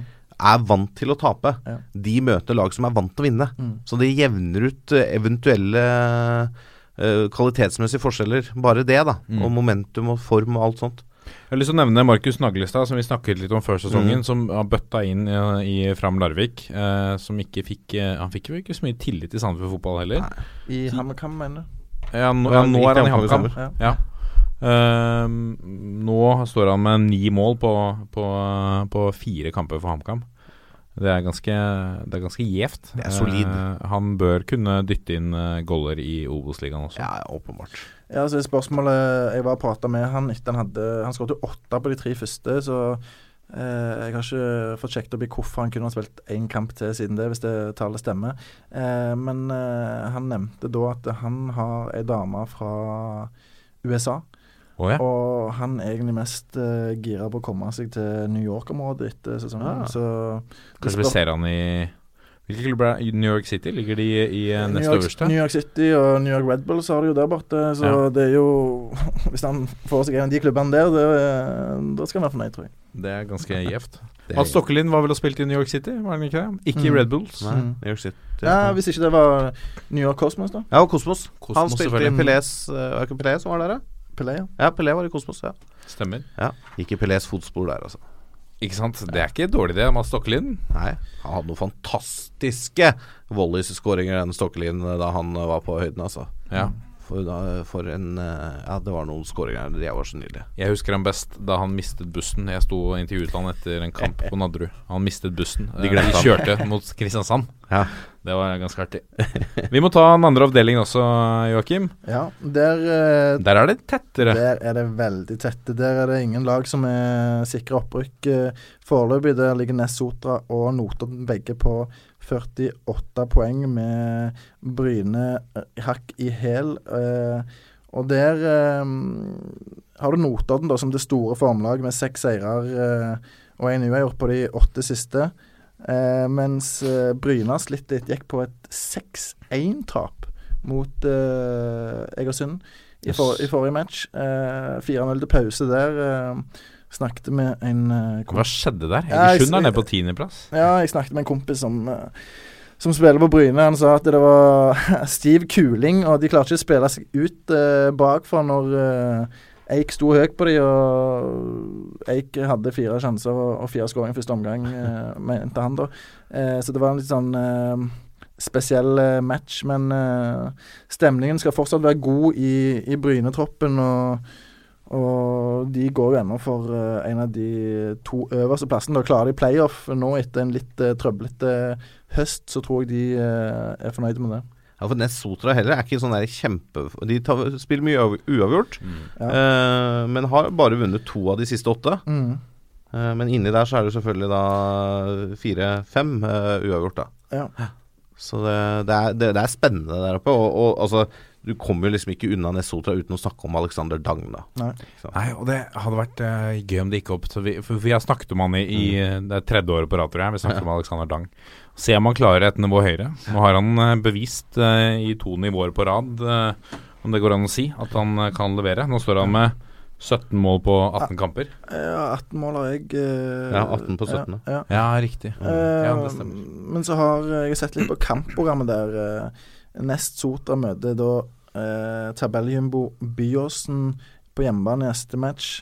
Eh, mens de har Hønefoss borte i den siste. Notodden har Vindbjart som ligger tredje sist og kjemper for å overleve nå eh, i neste runde, mens de møter da Byåsen eh, borte til slutt. Og så har du Bryne som skal ut i to tøffe kamper mot eh, Fram og, og Nardo, som ligger på henholdsvis eh, fjerde og femte. Så Bryne har utgangspunktet tøffeste kampprogrammet. Notodden er i dutten eh, i storform, så eh, ting taler jo litt til Notodden eh, sitt favør her, hvis du skal se rent eh, eh, tabellmessig på det og, og, og på kampprogrammet. Men eh, eh, både Notodden og Bryne er to lag som satser. Eh, Bryne med et budsjett på 22 millioner i uh, andredivisjon, det er mye. Uh, Firegangen av det Nesota har, eh, har jeg blitt fortalt. eh, så det vil bety mye for Bryne å rykke opp. Og det er jo en klubb som har eh, tradisjon for å være i de to øverste divisjonene. Ja, Også, Av de tre så er det jo Bryne som har den lengste Ja, tradisjonen det- å ligge i toppen. Det hadde jo vært 45 strake sesonger i de to øverste divisjonene før de rykte ned i fjor. Så. Mm. Og så er jo nedrykkstiden litt spennende da, i, eh, spesielt Absolutt. i avdeling to. Hvor uh, Odd 2, Vindbjart og Fana alle kjemper om å unngå en av de tre nederste. da. Eh, Odd 2 har, ligger best an med ett poeng foran der, og har en Vard Haugesund hjemme og Fram Larvik borte. Eh, og så har du jo da Vindbjart, så var vi så vidt innom Notodden borte og avslutter hjemme mot Vidar. Og så Fana, da, som møter Egersund hjemme og avslutter borte mot Vard Haugesund. Så Vard Haugesund kan jo bli en eh, nøkkel i den nedrykksstriden her, helt klart. Eh, det er faktisk litt grann spennende i det første uh, førsteavdelingen nå. Selv om Vålerenga nå har i bunnen, ja, I bunnen Vålinga Vålerenga 2 da har seks poeng ned til Finnsnes og Brumunddal på plassen under. Men de avslutter da med bortekamp mot Kjelsås og hjemmekamp mot HamKam. Det kan fort bli to tap. Og da Ja. Men det som jeg syns er så kult med disse avdelingene, det er at du har så mange bra spillere. da, sant? Mm. I HamKam eh, vi vinner på litt eh, i forrige podkast som jeg var med på, med mm, Petter Vågan Moen, eh, Jon Anders Riise, Markus Solbakken, Mm. eh, Naglestad var nevnt. eh, de henta Kevin Bugre fra Hønefoss eh, før sesongen. Eh, Jarosinski, en keeper fra Godset. sant? Det, det er mange store profiler. Mm. Eh, og så har du kjente navn som eh, Aram Khalil i, i Bryne og Erik Midtgarden i Notodden. Mm. eh, så det er ganske tunge navn som, som kjemper om eh, opprykk til første nå. Hva skjer egentlig med, med Follo som ligger i bunn? Altså, eh, Slutter de å eks- å eksistere etter, eh, etter sesongen? Var det ikke snakk om at de skulle legge helt ned? Jo, det var jo snakk om det, og at alle er fristilt fra kontraktene sine. Og de skulle fullføre sesongen da, for å slippe liksom det der at de må trekke seg. Men uh, hva som skjer med Follo, det blir vel en sånn derre lyn... Uh, Variant. variant, ja, hvor de går ned noen divisjoner og begynner på nytt helt på scratch med bare kompislag omtrent, tenker jeg da. Det er litt synd, for det er jo en sammenslåingsklubb mellom flere klubber i Follo-regionen. Eh, burde jo egentlig ligge til rette for å kunne skape et lag i en av de tre øverste divisjonene, syns jeg, da. Men eh, de får det, har ikke fått det til verken økonomisk eller sportslig de siste årene, og da, da blir det som det blir, dessverre. Så slo de Skeid 5-2 eh, i, eh, i forrige match. Må tro hva som skjedde med Tom Nordlis disipler i den kampen. der. Jeg må tro hva som skjedde med Tom Nordli i den kampen der. Han var ikke kjempeblid, tenker jeg. Og det har jeg full forståelse for. Ja. Han har slitt litt med, med skader på nøkkelspillere, han også i år. Eh, vår godeste Nordli. Um, eh, det blir en spennende innspurt på, på annendivisjon. Ja. Uh, og kanskje litt gode TV-kamper òg. Det, det gleder vi oss til. Ja, Vi håper det noen velger å, velger å sende disse playoff-kampene både i andredivisjon og når Obos og andredivisjon møtes. Det, det må på eteren på et eller annet vis. Dette er toppfotball. Så må vi en tur innom eh, breddefotballen. Og la oss begynne med en, eh, en gladnyhet, i hvert fall for de som holder med Gjelleråsen. Vi har fått en, eh, en melding fra Erland Nørstebø som har holdt oss jevnt oppdatert på hvordan Gjelleråsen har gjort det. Det har vært, De har knivet mot Kløfta i, i årets fjerdedivisjon, og nå er opprykket klart, Wangstein. Nå er opprykket klart. De har jo da vunnet serien for andre år på rad, da. For det med serieomleggingen så var det jo ikke noe opprykk å spille om for tredjedivisjonslagene i fjor. Det er jo, det er jo nitrist uh, isolert sett. Det er sånn det funka i fjor. Så det var 400 tilskuere møtte opp. Uh, og de banka Aurskog Høland. Tredjeplassert Aurskog Høland da, med hele 5-0. Og da sikrer det runden før slutt. Det jo, må jo være en god, god stemning. En fest. Ja, og 400 tilskuere. Det er sterkt, altså. det er sterkt. Og de har ligget eh, De har en del kamper i år hvor det har ligget over 200 tilskuere på kamp i, i fjerdedivisjon. Det er ganske enormt, faktisk. heftig. Det er mye fotball som bor i Gjelleråsen. Nå har de satt seg mål om, eh, om Post PostNord eh, i 2022. Det er en det langsiktig målsetting. Takk i i på Gjelleråsen. Det var ikke noe Champions League i 2030. Nei, det det er PostNord i 2022. Det er uh, Men det kan være, kan være fornuftig, da. Ja. Å være litt grann, uh, Hva skal vi si, ikke bite over for mye med en gang. Ja. Ok, Nå skal vi bygge sakte, men sikkert. Og tredjevisjonen er tøff nok. Ja, ja. Høres ut som de tar en kamp om gangen. De, ja, men ja, vi har nok rykka opp, men eh, vi skal ha en kamp til vi skal spille, og det Mye som kan skje. Ja, mye som kan skje. Ja, det, Apropos PostNord. Eh, Lyn, som lenge har ligget i skorpa, og eh, supporterne har skreket på at nå må vi opp i det finere selskap. Og når de nesten er på vei opp, eh, Vangstein, så eh, står de i fare pga. en administrativ feil. Altså Har de ikke lært av eh, eh, Norges Fotballforbund og Kristoffer Ayer? Nei, du kan så si det, Saken her er jo at de har da brukt en uh, spiller som egentlig skulle sonet uh, for karantene eh, i eh, kampen mot Reddy på Bislett 17.9. Uh, og det kan jo bety poengtrekk. Opptil tre poeng uh, blir vel det fort da. Ja. Men det som er bra for Lyn nå, da, er at de har det fortsatt i egne hender. Altså De kan fortsatt sikre opprykket, selv med poengtrekk, hvis de gjør jobben i de resterende kampene. Eh, så vi får jo håpe at denne tabben ikke får konsekvenser, uansett hva på en måte resultatet blir av straffen. Men um, samtidig kan godt uh, kritisere Lyn, og det fortjener de, for å gjøre denne tabben og ikke ha kontroll på hvilke spillere som har karantene. Men bør ikke systemet til NFF da kunne gi dem et varsel når de legger inn kamptroppen på at hei, den spilleren her har karantene. De har statistikk på gule kort Mm. i, i systemene sine. Så da, det bør Nå er ikke jeg IT-tekniker, men kanskje Intility kan hjelpe deg. Eh, denne podkasten er sponset av. Intility. Nei da. Men altså, eh, kanskje det kunne kommet et lite varsel, da. Hei, Ja. han spilleren her har faktisk karantene, ikke bruk han. Eh, nå bare sitter jeg og ser på en eh, tabell her som jeg har fått eh, utlevert. Jeg så du klødde deg i hodet av Ja, for her, her ligger Lyn på topp med 54 poeng, og så så jeg Fløy, men de kan ikke være i Eller så HamKam, Bodø-Glimt eh, Vet dere hva dette er? Dette er tabellen over det høyeste snittet per kamp i våre fire øverste Det er det divisjoner. der, ja. Lyn har det høyeste poengsnittet av alle lagene i Eliteserien første, andre og tredje divisjon, Skjønner. med 2,54 poeng. Uh, nest best er. Fløy, og på tredjeplass Mjølner. Okay, Så så, skal vi helt ned på tiendeplass før vi finner Rosenborg. mm. Så det er Altså, vi må kunne si at de har gjort en god sesong. Ja, og desto surere vil det jo være hvis de eh, ikke skulle eh, rykke opp. Nå er det kun ett poeng som skiller hvis de mister tre nå. Mm. Eh, og Stabæk har eh, klart bedre målforskjell. Eh, så det er ganske kritisk for eh, Lyn hvis de eh, blir trukket de tre poengene som jeg tror de blir trukket. Altså, de bør jo Ja. bli trukket de Hvorfor tre ikke? poengene. Det er liksom- ja. Det er ikke noen formildende omstendigheter her. Nei, nei, Det er en feil som har skjedd. eh, det er ikke en mann som har spilt med feil draktnummer på ryggen, som Nei. har skjedd før. Dette her er jo en spiller som ikke skulle vært på banen. Mm. Og da er det jo sånn Han har spilt en rolle i den kampen. han har jo det, Mm. og dessverre for Lyn så ser jeg ikke noen vei utenom at de blir trukket de tre poengene, og da er det vidåpent. Det er det. Eh, De møter Frigg og Korsvoll i de to siste, er det vel. Mm. Eh, de, som jeg nevnte, de kan avgjøre dette selv. Det som også er litt spennende, er at Stabæk 2 og Eidsvoll Turn har igjen et innbyrdes oppgjør. Ja. De som Ja. kjemper med Lyn om opprykket.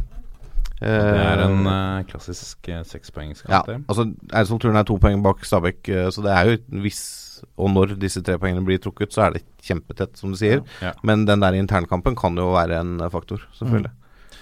Ja. For uh, våre venner i Lyn så håper jeg at uh, det ikke får konsekvenser. Dette er toppfotball. Når barn i krig og konflikt ikke får utdanning, står et helt lands framtid på spill. Årets TV-aksjon skal gi skolegang og håp til barn der krigen raser. Sammen kan vi følge barna tilbake til skolen. Bli bøssebærer. Ring 02025 eller gå inn på blimed.no. Og det, Wangstein, var eh, ikke vår nye sponsor, men eh, Unicefs eh, TV-aksjon. Altså årets TV-aksjon er Unicef og deres arbeid for skolegang for barn i konfliktområder. Eh, og det må eh, vi sies å være en, en, en såpass god sak at vi må vie, vie den spotten litt tid i, i dette programmet også. Ja, helt klart. Det er jo Da får vi bare si som vi pleier å si når det er innsamlingsaksjoner. Gi så det svir. Iso svir, ja. Ja, altså ta imot uh, bøssebærerne når de kommer på døra søndag 22.10. Uh, ta ut cash, uh, eller vips. Det, Du- du kan vipse, ikke ja, du kan vipse. Du kan det. De skal ha 100 000 bøssebærere.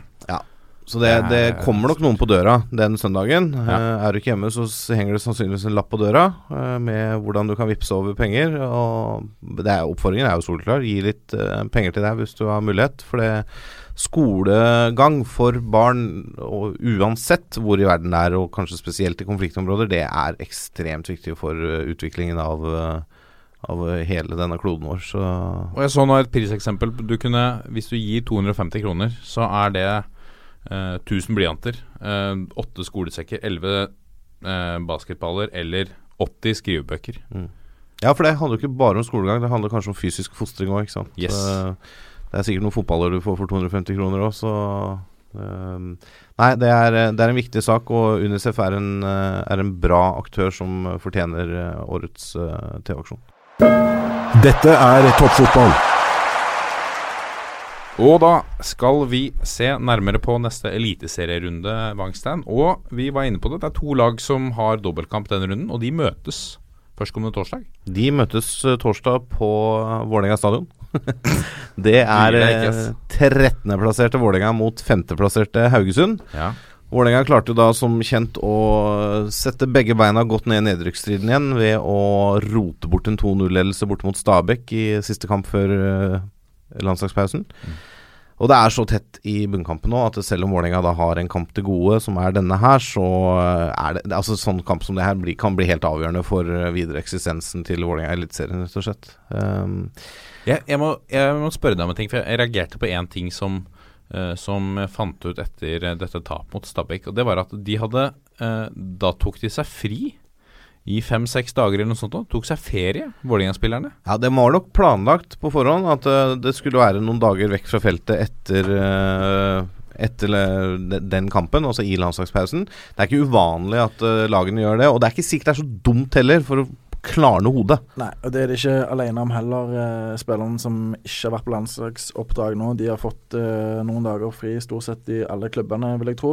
Eh, og spesielt for et lag som sliter, da. Enten så kan du drive straffetrening og, og bli igjen på feltet, eller så kan du si OK, gutter. Eh, eh, gå ut, eh, koble av, tenk på noe annet, prøv å samle opp litt positiv energi og komme tilbake om fem dager. Og så kjører vi på som bare pokker eh, inn mot Haugesund-kampen. Jeg tror jeg ser ikke noe negativt eh, med det, i hvert fall. Nei, det finnes jo eksempler på lag som har sendt eh, hele stallen ut på fest midt i Mm.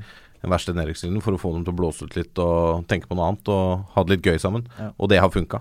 Ikke det at jeg oppfordrer til eh, alkoholmisbruk når du er toppidrettsutøver, men eh, det kan hende at litt sånne ting eh, faktisk ikke er så gærent, altså. Etter hva de ryktene jeg har hørt, så er det vel ikke mangel på festing som har vært problemet på, på Valle i, i år. Jeg vet ikke åssen status er i år, eh, så tett er jeg ikke på. Så det, og jeg er ikke så bevandret i uteliv i Oslo at jeg kan uh, uttale meg om det. Jeg bor for langt unna, rett og slett. Videre. Videre.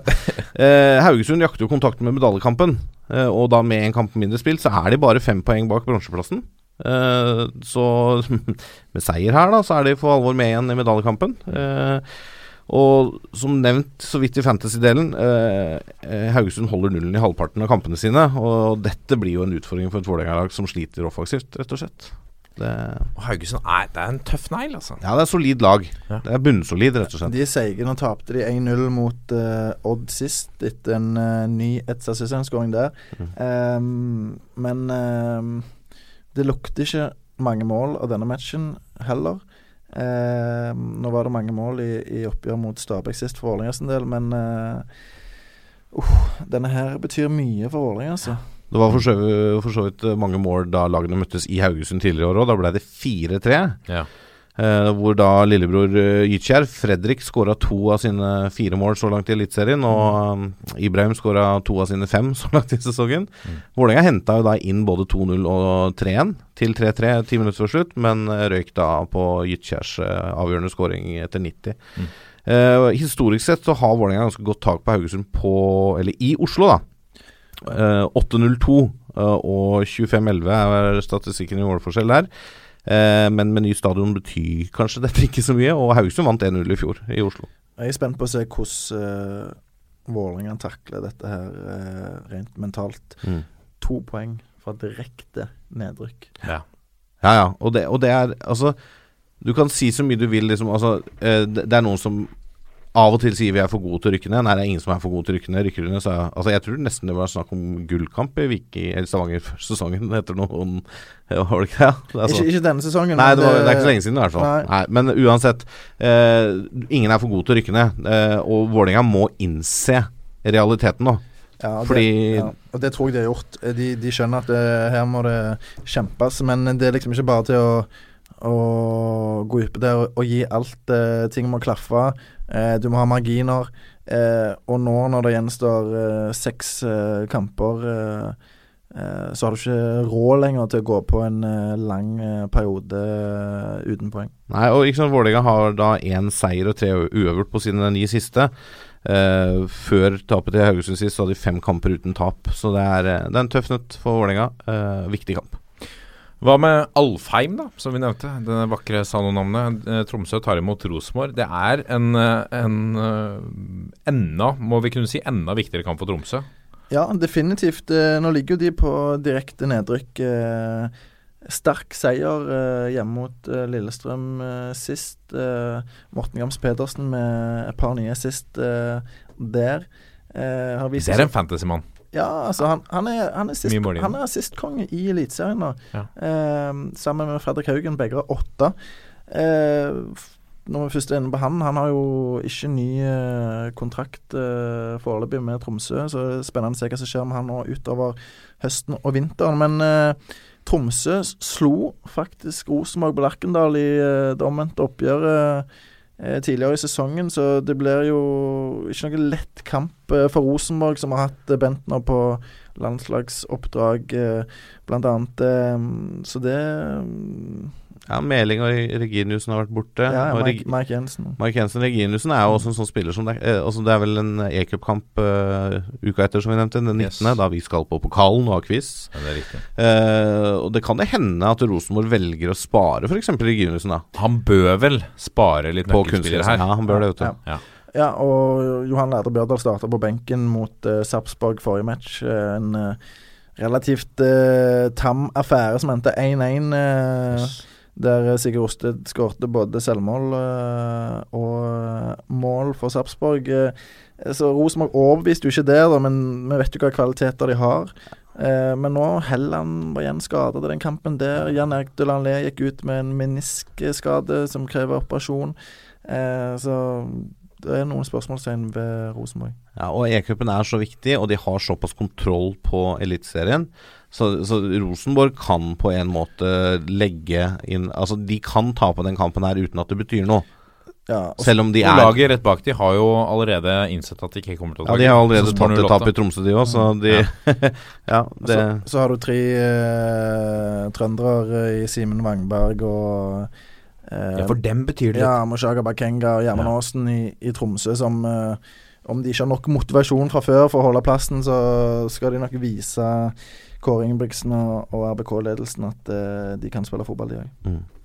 Vi må videre til uh, Marienlyst uh, og Strømsgodset som tar imot Odd. Dette er jo en, eh, et oppgjør som byr på en, et, eh, ikke et gjensyn, for han har vært der mange ganger, men eh, tidligere Strømsgodset-trener er nå trener for Odd. eh, og Så får vi se hvor lenge det varer. For han har sagt at eh, han, eh, det er ikke noe automatikk i at han signerer for neste sesong. Og det er litt sånn spesielt nå. fordi at Hvordan utartet det seg slutten, mot slutten av sesongen? Hvordan preger det laget? Altså, det er et uh, Odd som er litt i stampe. Og jeg, jeg, jeg sitter litt med følelsen av at vi har en eliteserie som Hadde ikke vært for at eliteserien er så ujevn, så skulle jo de ligget nede på nedrykksplass. De, skårer minst av alle lagene i hele eliteserien. Ja, det er 23 mål framover på, på 24 kamper. Det er jo en skandale. Og, Ja, er, ja. ja, og Fagermo er jo en krevende person. Det tror jeg han eh, er villig til å innrømme sjøl òg. Og han har vært der nå, det er vel i ti år. Eh, det er klart at det, blir eh, slitasje eh, både for han og de rundt. Eh, så gjenstår det å se om de på en måte klarer å, å gjenopplive det forholdet, da. Eh, finne lidenskapen igjen, så, så mange må gjennom. Men, eh, men eh, det blir interessant å se. Men det er jo en, eh, en tøff match borte mot et meget formsterkt Strømsgodslag. Yes. Fire seire på de seks siste. Og et hjemmesterkt Strømsgodslag. Ja, Absolutt. og et par mann som er i bra form der. Jaradi stanget inn en nydelig match for han skåret mot Viking sist. Markus Pedersen er tilbake etter karantene. ja, så det er ingen enkel kamp for Odd. Det blir nok å hanskes med. Ja, altså var det ikke Det var, det var ikke noe kjempegod kamp av eh, Godset sist mot Viking, men de gjør jobben, og de får uttelling på De hadde vel en tre-fire sjanser, Ja. kanskje, og Gerradi skårer på den ene. Mm. Um, Det er så- sånn typisk lag som har funnet flyten litt. Ja. Så har klart å rakke opp noen seire på rad, og da, da vinner du sånne kamper som ikke nødvendigvis på papiret ser ut som du har vunnet, sånn statistisk. Ja. Så slo Odd også, må vi ta med, riktignok Haugesund i forrige kamp. Ja da. Selvfølgelig bare med 1-0, fordi s- det er, eh, det er Jeg sånn bomma på straffa, Ja, ikke sant? Så, det vil seg ikke. I tilsvarende opp, oppgjør i, i vår så slo Odd eh, Godset med, med 2-0 hjemme på Skagerrak Arena. På de siste seks oppgjørene så er det Odd som overtaket, med, med, fire, uh, med fire seire. Um, det er, men det, dette, er vel et, uh, dette er vel et oppgjør hvor, uh, hvor Godset, vil jeg tro, bør ha eh, Kanskje ha mulighet til å trekke det lengste strået. De har uh, Tokmak Nguyen uh, ususpendert med tre gule. Ja, han starta jo som spiss mot uh, Viking sist kamp. ja, og da blir Altså, jeg, Interessante disposisjoner. ja, jeg, jeg, og jeg blir litt lei meg jeg da på vegne av Pontus Engblom, som da på en måte Ja. Godset kvitter seg med han um, Hjelp meg, da. Han tidligere som- Tagbayomi. Tagbayomi, Ja, ja, ja. ikke sant? Som jeg da i tidligere sesongen var så ut som den vasseste spissen i Godset. Yes. Og da er det eh, Pedersen og Engblom igjen. Og Tommy Høiland forsvant. Og Tommy Høiland for så vidt forsvant jo også. Og så blir Markus Pedersen ute med karantene, som av og til pådrar seg. Og så får han ikke starte da heller. Det må være Det er bly, tungt. det er blytungt, altså. Men nå, tok da, når Tokmak Nguyen er ute med gule kort, Men- blir det er spennende å Markus se om Pedersen tilbake. Men ja, du, du snakket jo litt med Jostein Flo om akkurat det. Ja. Eh, det, det er interessant det der eh, med Engblom som banket inn skåringer i Obos. Uh, iskald Det er jo litt sånn at de, de vet hva som bor i Markus Pedersen når Markus Pedersen er bra. De har liksom valgt å rendyrke han. Mm. Uh, Ja, for, for de begynte jo med to spisser, yes. og da hadde de fire i stallen.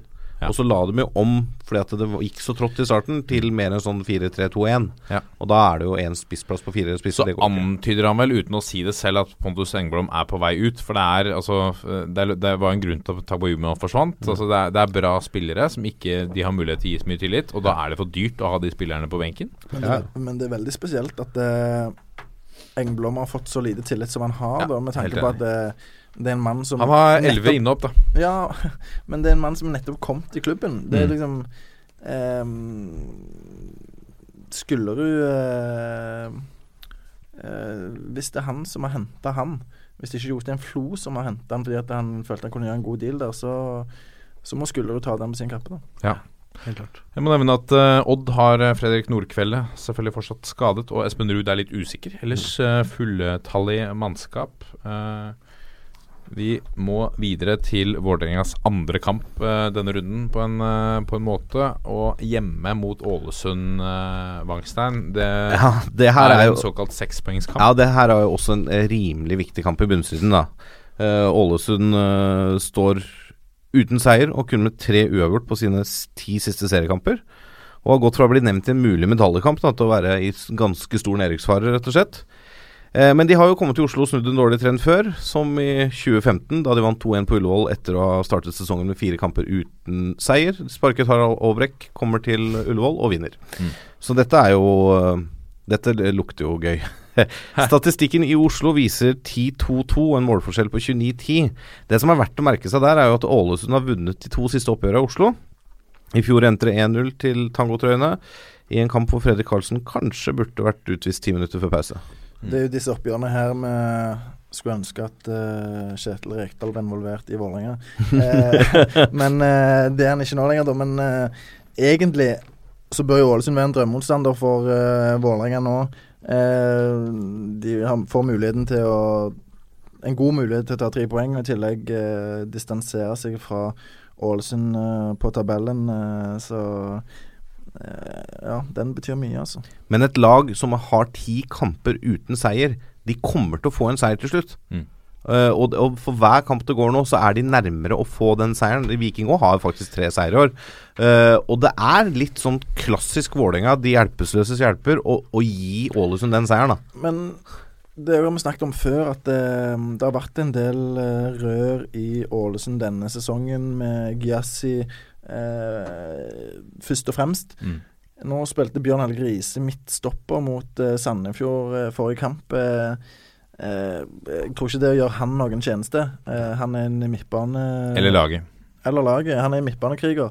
Så nå gjenstår seks runder, og Ålesund ennå ikke har funnet på en måte de rette konstellasjonene, da, da kan det bli tungt. Helt klart. Og så er det jo spennende å se hva de gjør med Giassi, da, som er kanskje Ålesunds beste spiller og har vært veldig mye ut og inn av laget pga. mye bråk, som vi har vært innom her før. Så det blir spennende å se om han nå på en måte får starte, og han kan bli en viktig brikke i den nedrykkskampen for de, altså. Så er det Moss på utgående kontrakt, der eh, eh, det, er liksom, det er mange sånne usikkerhetsmomenter da, som overhodet ikke er positivt for eh, et lag. eh, og nå ser det ut til å være litt for mange for Ålesund akkurat eh, for øyeblikket. For øvrig eh, motsatt oppgjør i, i vår endte med 1-0 til Vålerenga etter en kanonskåring av Herman Stengel. Stemmer. Ja. Stemmer. Så har vi nevnt det òg. Blir spennende i hvert fall. Absolutt. Haugesund eh, tar imot eh, Sandefjord på Haugesund stadion, Bårdsen. Ja, det Haugesund har vi jo vært inne på ganske mye nå. og Det eh, Jeg eh, hadde tro på Sandefjord defensivt eh, mot Ålesund forrige kamp. Eh, de vinner 2-0.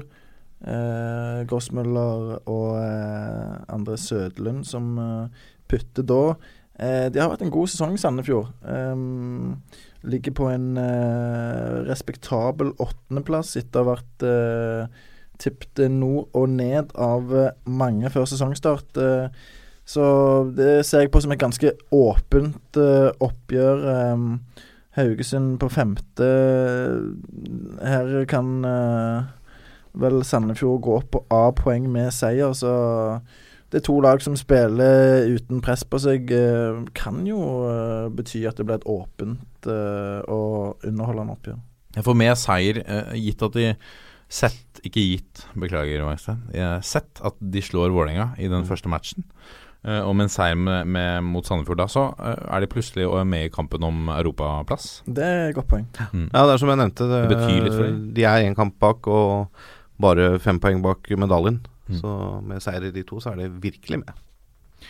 Hva med Kristiansund-Viking? Kristiansund som slo til med, eh, må vel kunne si, runden store slem på Brann stadion i, i, eh, i forrige runde. 4-0. Ja, Det er jo utvilsomt det mest overraskende resultatet. Og det er jo smadring av et eh, solid brannlag. Eh, Benjamin Stokke to skåringer kunne vel hatt eh, fire-fem. Um, Men mangla det ikke mange? Brann? Jo, de mangler jo begge midtstopperne, Ja. blant annet. Eh, så det er jo klart at det, det betyr mye. Men eh, Kristiansund er jo et lag som eh, har vært gode på hjemmebane. eh, og gjort det til sitt eh, fort som, som de trengte å gjøre. Eh, ligger på en tiendeplass nå med fire poeng eh, ned til nedrykk. Den hadde de nok eh, tatt før sesongstart om de fikk tilbud etter 24 runder. Eh, og nå, hjemme mot Viking Viking er ferdige. Mm. Det vet eh, alle i Viking. Og det vet eh, så jeg tror de gleder seg stort til det oppgjøret der. Eh, det er tre nye poeng som de kan innkassere der, eh, hvis de eh, er påskrudd og gjør jobben. Ja, og gjør de det, så har de mer eller mindre sikra plassen i Eliteserien. Da skal mye til at de roter seg ned i nedrykksserien igjen. 32 poeng. Har vi ikke satt sånn Er det ikke mange som snakker om 32? 35? Ja, jo da, det kan fort bli det nå som Viking har så lite poeng og sånn, eh, og det er så tett her nede. Men det er jo noe innbyrdes oppgjør og sånn igjen. Men, men dette er jo en sånn, også en sånn Altså, Kristiansund kommer fra den 4-0-seieren borte mot Brann, Mm. og lag som vinner stort i én runde, sliter veldig ofte i neste runde. Mm. Så er det liksom ikke gitt heller, da, at de tar Viking. Og det, og det kan hende at de altså, i hermetegn tar litt lett på det. Viking kan ko egentlig komme med uh, all verdens lave skuldre. De har, altså, de har ikke noe å spille for. Og Viking har spillere som uh, kan by Kristiansund på problemer. Det er det ingen tvil om. Viking har ikke tapt stort uh, i, i mange kamper denne sesongen her. eh, så, så selvfølgelig, det er ikke noe gratis uh, trepoenger for eh, Kristiansund, men eh, eh, hvis de vil beholde plassen, så gjør de lurt i å, å gjøre jobben her. Det er, det er interessant. Altså, vi, vi har vært inne på det mange ganger, hvor pussig årets eliteserie egentlig er. Fordi at eh, veldig ofte man hører om, eh, om trenere som snakker om at ja, for å være sikret eh, og holde seg i ligaen, så må man opp på en 35 poeng. På 35 poeng per i dag så ligger uh, Strømsgodset på sjetteplass. Tenk deg det. Odd på sjuende. Tenk deg det. Tror du de snakker om nå at ja, ok, nå, er vi, nå holder vi plassen? Eh, så man på en måte samtidig som man sikrer, har sikret å holde plassen, så slåss man om europacupplass. Ja. ja, det er helt, helt spesielt. Og det er jo, altså Du skal ikke veldig mange runder tilbake, egentlig. Altså nå, At det var snakk om at Vålerenga kunne melde seg på den topp fem heller. Ikke sant? Og nå er de helt i nedrykkssiden fordi at de har sju kamper med én seier. Det gjør det veldig interessant, da. Kjempeinteressant. Og det er blir jo en spennende. Det blir en rysere. Altså, øh, kan, Gullet er delt ut, men alt annet er jo dritspennende. Altså Gullet og den ene nedrykksplassen er delt ut. Alt imellom der er jo kjempespennende. Vi må til Åråsen. eh, Vangstein. Lillestrøm tar imot uh, Sogndal. Og Lillestrøm, som vi nesten hadde eh, plassert på sikker plass uh, for noen uh, sendinger tilbake, de har begynt å blande seg ned i bunnen igjen. Ja, jeg har da fått utdelt tre av tre kamper med betydning for bunnstriden i Eliteserien, den podden her. Ja. Takk for det, det er fint. Ja, nei, det er som du sier Lille... to Vålerenga-kamper, da. så- Ja da, det har det. Lillestrøm har nå fire kamper uten seier og har som du sier meldt seg på i nedrykksstriden. Virkelig. Er bare tre poeng foran Erik. Eh, er det ikke det? Nei, kanskje fi... Nei, tre poeng ja, foran Erik. Eh, så de må nok plukke noen poeng framover for å sikre den plassen for n-te året på rad, da. Um, Sogndal på sin side står med seier og uøvert på sine to siste, uh, men har bare to poeng til nedrykkssiden. Disse er jo tabellnaboer før denne runden. Så mm, historisk sett så har LSK et lite overtak på, på Sogndal. Eh, og de vant 1-0 i Sogndal tidligere år, da Simen Kind Michaelsen ble matchvinner. Det som er litt sånn Litt sånn eh, søkt statistikk allikevel, men det, er, det har faktisk ikke endt med hjemmeseier i disse innbyrdes eh, kampene på de fire siste oppgjørene.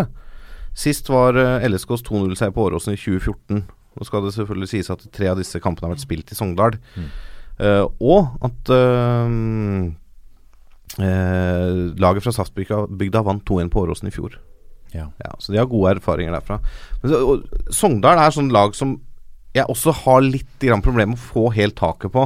De, de virker til tider veldig solide, spesielt defensivt. Uh, Wæler, Hovland ikke sant? De er solide, uh, duellsterke midtstoppere. Og så er det jo to lag som jeg tror på en måte kan uh, utjevne hverandre lite grann. Begge har lyst til å være solide defensivt, satse litt på kontringer og på motstanders feil.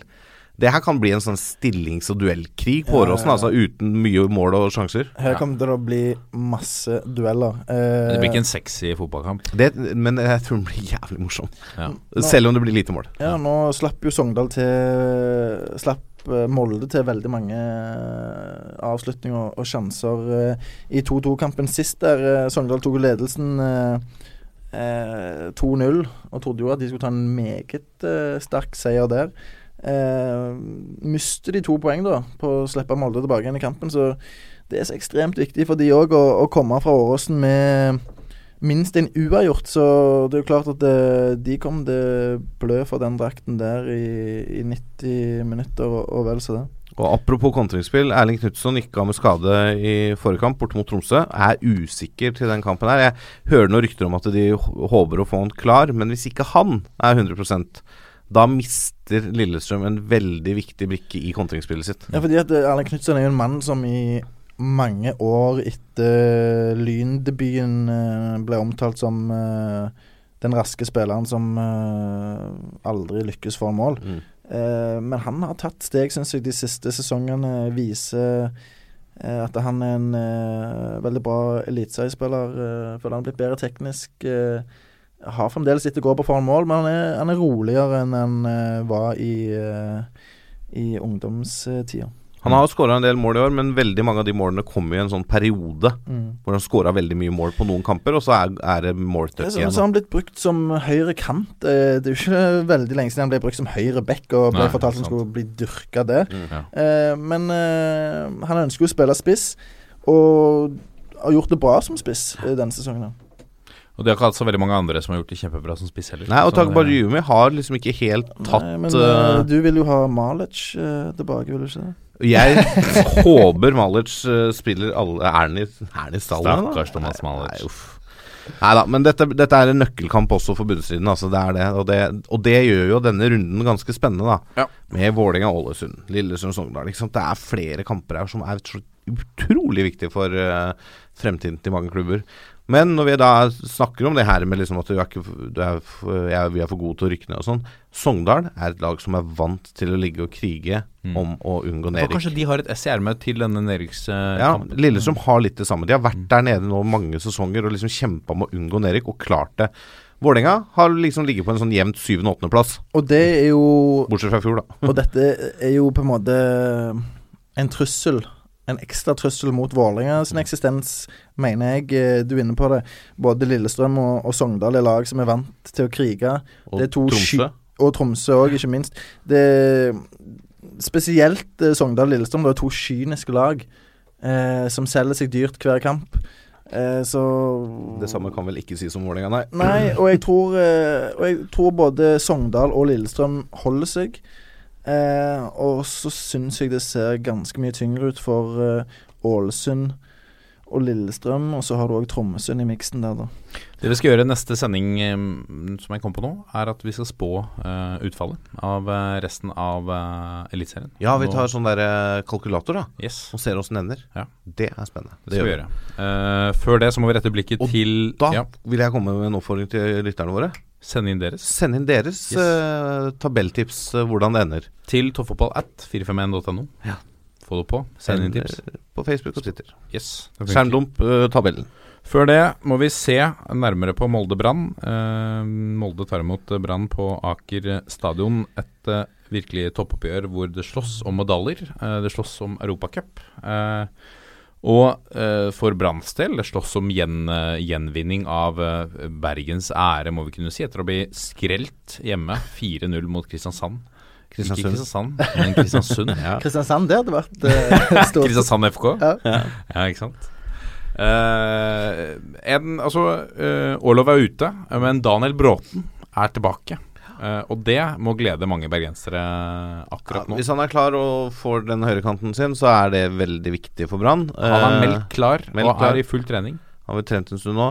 Eh, så har du jo da Det er Børven som vel da er spissalternativet. Så Barmen nå gikk ned på trening her eh, tidligere i uka, er usikker. Fikk en trøkk. Ja, men eh, Børven har jo ikke akkurat eh, levert eh, i år, han heller, dessverre. For han er en veldig fin fyr.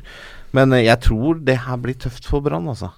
Ja, det Vito Wormgård er usikker. Nå er Bismar Acosta bekreftet at han er eh, klar, Ja, eh, og da- sammen med Bråten. Ja, og da blir det jo Bismarck Acosta og Jonas Grønner. Ja. Asakardas hadde jo stakkars ikke noen heldig retur til det forsvaret der eh, mot Kristiansund. Og syns egentlig litt synd på han eh, et par ganger der. Eh, så å få på plass Acosta, som eh, er en av Eliteseriens beste stoppere, det er ekstremt viktig Mm. for det brannlaget der. Får inn litt muskler med Bråten. Eh, for det er ganske fysisk eh, Molde-lag som Solskjær har bygd. Eh, det ble en sånn duelltung eh, match. De har fått tilbake to matchvinnere, som du er inne på, med Acosta og Bråten, i hver sin ende av eh, banen. Eh, og Molde blir en tøff eh, match. Nå hadde de, spilte de 2-2 mot Sogndal sist, og kom ganske sterkt tilbake etter å ha ligget under 2-0. Det vitner om karakter i det mannskapet. Ja, det, det er karakter i Molde-mannskapet, og de har mye solide spillere. Det er spennende å se Mathias Nordmann. Han ble jo skada i den Mm. første U21-kampen. Han er vel kanskje ikke klar. Eh, men sant, sånn som Ellingsen, som kom fra Kongsvinger, har jo virkelig tatt nivået. Mm. Og de har flere altså de, Og de har, de har en bred stall. Det er liksom Nesten uansett hvilke elleve Solskjær dytter utpå, så gjør de jobben. da Mm. Og selvfølgelig, du kommer liksom ikke ut utenom Bjørn Bergman Sigurdarsson. Sånn, uh, eh, jeg syns Fredrik Brustad er, mm. passer godt inn i den miksen der. ikke sant? Så. Ja, så har du ikke de siste profilene, men allikevel en av de jeg gleder meg til å se mer fremover. Erling Braut Haaland. Mm, ja, ja, ja. Beist uh, eh, av en unggutt. Uh, eh, så det er en del profiler i dette. Skåra vel to mål i en G17-kamp opp i dag, syns jeg så. Eh, og han er en fin joker Oppe da før helgen nå, eller i helgen? Ja, mulig. Fin joker å ha, i hvert fall. Å dytte inn på siste kvarter når eh, motstanderen er litt møre, og så kommer det beistet innpå. Det er ikke noe gøy, vet du. Uansett om han er 17 år eller hva han er. Nei, eh, det er vel, eh, må vi kunne si, rundens eh, toppkamp. Molde-Brann. Uh, Sarpsborg 08 tar imot uh, Stabæk uh, 16.10. Altså en gøy kamp, da. Det er også en eh, spennende kamp. Jeg var og så Stabæk-Vålinga. Og fikk se den snuoperasjonen der. Og det eh, at Vålinga Det kunne like gjerne vært Stabæk som leda 2-0 til pause, Ja ja, for all del. som at det var Vålinga. Um, det er eh, De, de produserer mye Produserer mye sjanser i Stabæk, og så får de virkelig taket på Vålinga i andre gang, og da ser de De ser redde ut, altså. Men det som, eh, er, gjengen det som er det store spørsmålet nå Hvordan klarer Stabæk seg resten av sesongen uten Noi? Yes, Mest er sannsynlig ute. ute. resten av sesongen. Ja. Lukassi, også skadet, Mm. mest sannsynlig. Eh, hvordan det vil se ut på, på toppen. Ja, det hva er, hvordan er formen til Frank Bordi, da? Han er jo til, han, han, han, Han skårte sist, da. Skårte Ja, sist, eh, selvfølgelig. Var vel første mål i år, det. Det var det. Kan jeg tippe, uten å ha sett statistikken. Men uh, han har jo vært lenge skada, men er liksom sakte, men sikkert inn. Det kan være en sånn akkurat bra timing for Stabæk at han er klar nå, med O i skade, og har fått nå et par uker med trening inn mot den kampen der. Det er jo litt sånn eh, eh, Det hadde ikke overrasket meg eh, Nå henta Stabæk eh, Frank Poli eh, mens han var korsbåndskada. Mm. Eh, og så har OI allerede banka en eh, 17 mål, og så ble han skada nå. Men han ble nok solgt etter sesongen, og så kommer Frank Bolin, som har et litt navn internasjonalt. Skårer han fem-seks mål her nå på de siste kampene, så selger han òg. Ja, ja. Men, altså, så og så henter de med en eller annen som du er litt sånn Hæ? Skal de ha han? Og så banker han i mål. De er flinke til å hente typer som passer inn i Stabæk. Det det. Og, og gi de trygghet eh, og gi de tid til å bygge seg opp, eh, ikke minst. Eh, og Frank Bolli eh, Han har jo vist før i Eliteserien at han har et stort potensial. Ja, helt klart. Så eh, Inge André Olsen og den jobben han gjør på scouting og, og hente spillere, det fortjener han veldig mye skryt for. Skal ikke få like mye skryt for geografikunnskapene sine, men eh, Du mener at han skal ta over Oslo? Han mener jo at eh, Stabæk er et Oslo-lag. Sist jeg sjekka, så ligger da Stabæk i Bærum kommune i, Akershus fylke. Nye målet nå er å, å, å bli Oslo Vest sitt lag. Ja, ja. Eh, og så uttalte han eh, jo etter seieren sist at nå kan han like gjerne ta hele Oslo. Ja, ja. Men det Altså, altså jeg, jeg har sjansen for Inge André Olsen, for han tør å melde litt, og han han eh, irriterer på seg Rosenborg, han irriterer på seg Vålerenga, han irriterer på seg folk og skaper litt blest. Og, og ja. får sånne som Joakim til å skrive om klubben sin eh, i avisen. Mm. Han, han bygger liksom Han skaper oppmerksomhet rundt klubben sin. Jeg liker at vi har folk som tør å melde litt, jeg. Og han ble jo linka sterkt til Start i, i sommer. Veldig viktig mann å beholde for uh, Stabæk. Han er jo Det er snakk om Ingebrigtsen Jensen som mister Stabæk. Ja, selvfølgelig er han det, men uh, Inge André Olsen er mannen som uh, er limet i denne klubben. Og han er tidlig, var tidlig ute også, uh, Sten Jensen, med å, med å si at uh, hadde det ikke vært for Inge André Olsen, så hadde ikke Stabæk vært i Eliteserien i dag. Ikke sant? Så ja, han gjør utvilsomt en, en viktig jobb. Eh, og så vet vi at det jobbes i kulissene der med å få, få på plass investorer på et eller annet slags nivå, både i USA Mm. og Kina og, og Ja. også norske folk. Så, får vi, så vet vi at de, de bruker mye penger på akademiet, og vi ser resultater av det. Eh, en viss Herman Gelmyden, 15-åringen eh, som spiller stopper og tiltrekker seg oppmerksomhet fra, fra utlandet. eh, Hugo Vetlesen, Mm. som det jo bare er et spørsmål om tid før forsvinner. Han må kanskje bygge litt fysikk, og Ja. Eh, er det vel nesten at uh, Jeg ser for meg Nederland også som neste stoppested der. Ja da, altså De har masse spennende unge spillere der, men uh, i den isolerte kampen her, da, Sarpsborg 08 Stabæk, så Ja. jeg, jeg tror nok Sarpsborg, som er fortsatt i førersetet på sølvplassen, tar Altså, de er favoritter på hjemmebane. Ja, For de har ikke råd til noe feilskjær her, Nei, for de, de har må- to de- lag rett bak. Ja, de har det. Men det som, det som slår meg med Sarpsborg, er at de virker alltid så ekstremt godt forberedt. alle Ja, ja. Eh, nå vet jeg at de eh, har hatt eh, noen dager fri, de òg, eh, eh, under landslagspausen. Men Geir Bakke har jo henta typer som kan trene mye. Eh, det er jo nærmest førsteprioritet. Og de er et bunnsolid lag som er vanskelig å møte uansett hvilken kamp det er. Eh, så ble det 1-1 borte i en tøff kamp med Rosenborg sist, men de kan fort kverne Stabæk i stykker mm. i det oppgjøret. Helt klart. Og det er uansett da om Stabæk Nei, Sarpsborg ender på andre- eller fjerdeplass denne sesongen her. Eh, de skal spille cupfinale. Det Eh, er en fantastisk sesong for Østfold-fotballen uansett. Altså for den delen av Østfold-fotballen. ja, det, det blir spennende å se om Fredrikstad holder seg i det gode selskap, eller det nest beste selskapet. Ja. Skal vi si det er greit, eller? Det var litt kortere van enn vanlig denne sendinga. Vi runda ikke to timer denne gangen. Nei, nei, nei. Nei? Men uh, ja, nei, det, det må være greit. Ja, spørsmålet er om du skulle ha det svenske greiene. Ja, skal vi ha det, vi, vi må, før, før vi runder av, så må vi eh, Dette er jo en, en podd om norsk fotball, men vi Men det her er så sykt. Det er så helt vanvittig. Altså, jeg, jeg ble så glad i hjertet når vi fikk, eh, vi fikk eh, tilsendt denne tweeten fra, fra Christian Holum, som retweeter Erik Karlsson i Sverige. Det er altså en kamp mellom IFK Eskilstuna eh, og Østermalms, hvor eh, Eskilstuna går av med seieren 28-3. Eh, Ja, dette er svensk sjettedivisjon, sjette og Eskilstuna henta da inn en spiss fra sitt eh, tredjedivisjonslag. Ja. Og denne spissen da bøtta inn 21 av disse 28 målene. Og ble med det på den ene kampen, nummer to i Skytterligaen. Det er ganske greit. ass. Er det en liten applaus, eller? Ja, en liten applaus. Men så kommenterer samme Karlsson for øvrig at det må være bittert når han putta 21 i en match, og ikke være Sveriges Altså den mest skårende mm, spilleren på én kamp i historien. Fordi i 2014 så skåra Jannik Juicy Mansilla Mansisila skåra 21 mål da eh, Kongo United FC slo Balrog Botkyrka Søder Telje med 30-0. Det er jo altså, for noen tall i en enkeltkamp. Det er kjempegøy! Men jeg vil gjerne, hvis det er noen der ute, om det er åttende divisjon eller sjuende divisjon, ja, hva som helst i Norge, om så det er juniorfotball, Ja. har vi noen lignende statistikker å vise til på én enkeltspiller som har bøtta over 20 mål i en kamp? Fortell oss det, da. Ja, Dette send- vil vi høre om. Send det inn. Og, og generelt en god story. Vi vil høre det. Det skal jo ikke være mulig. Men det skal ikke være mulig.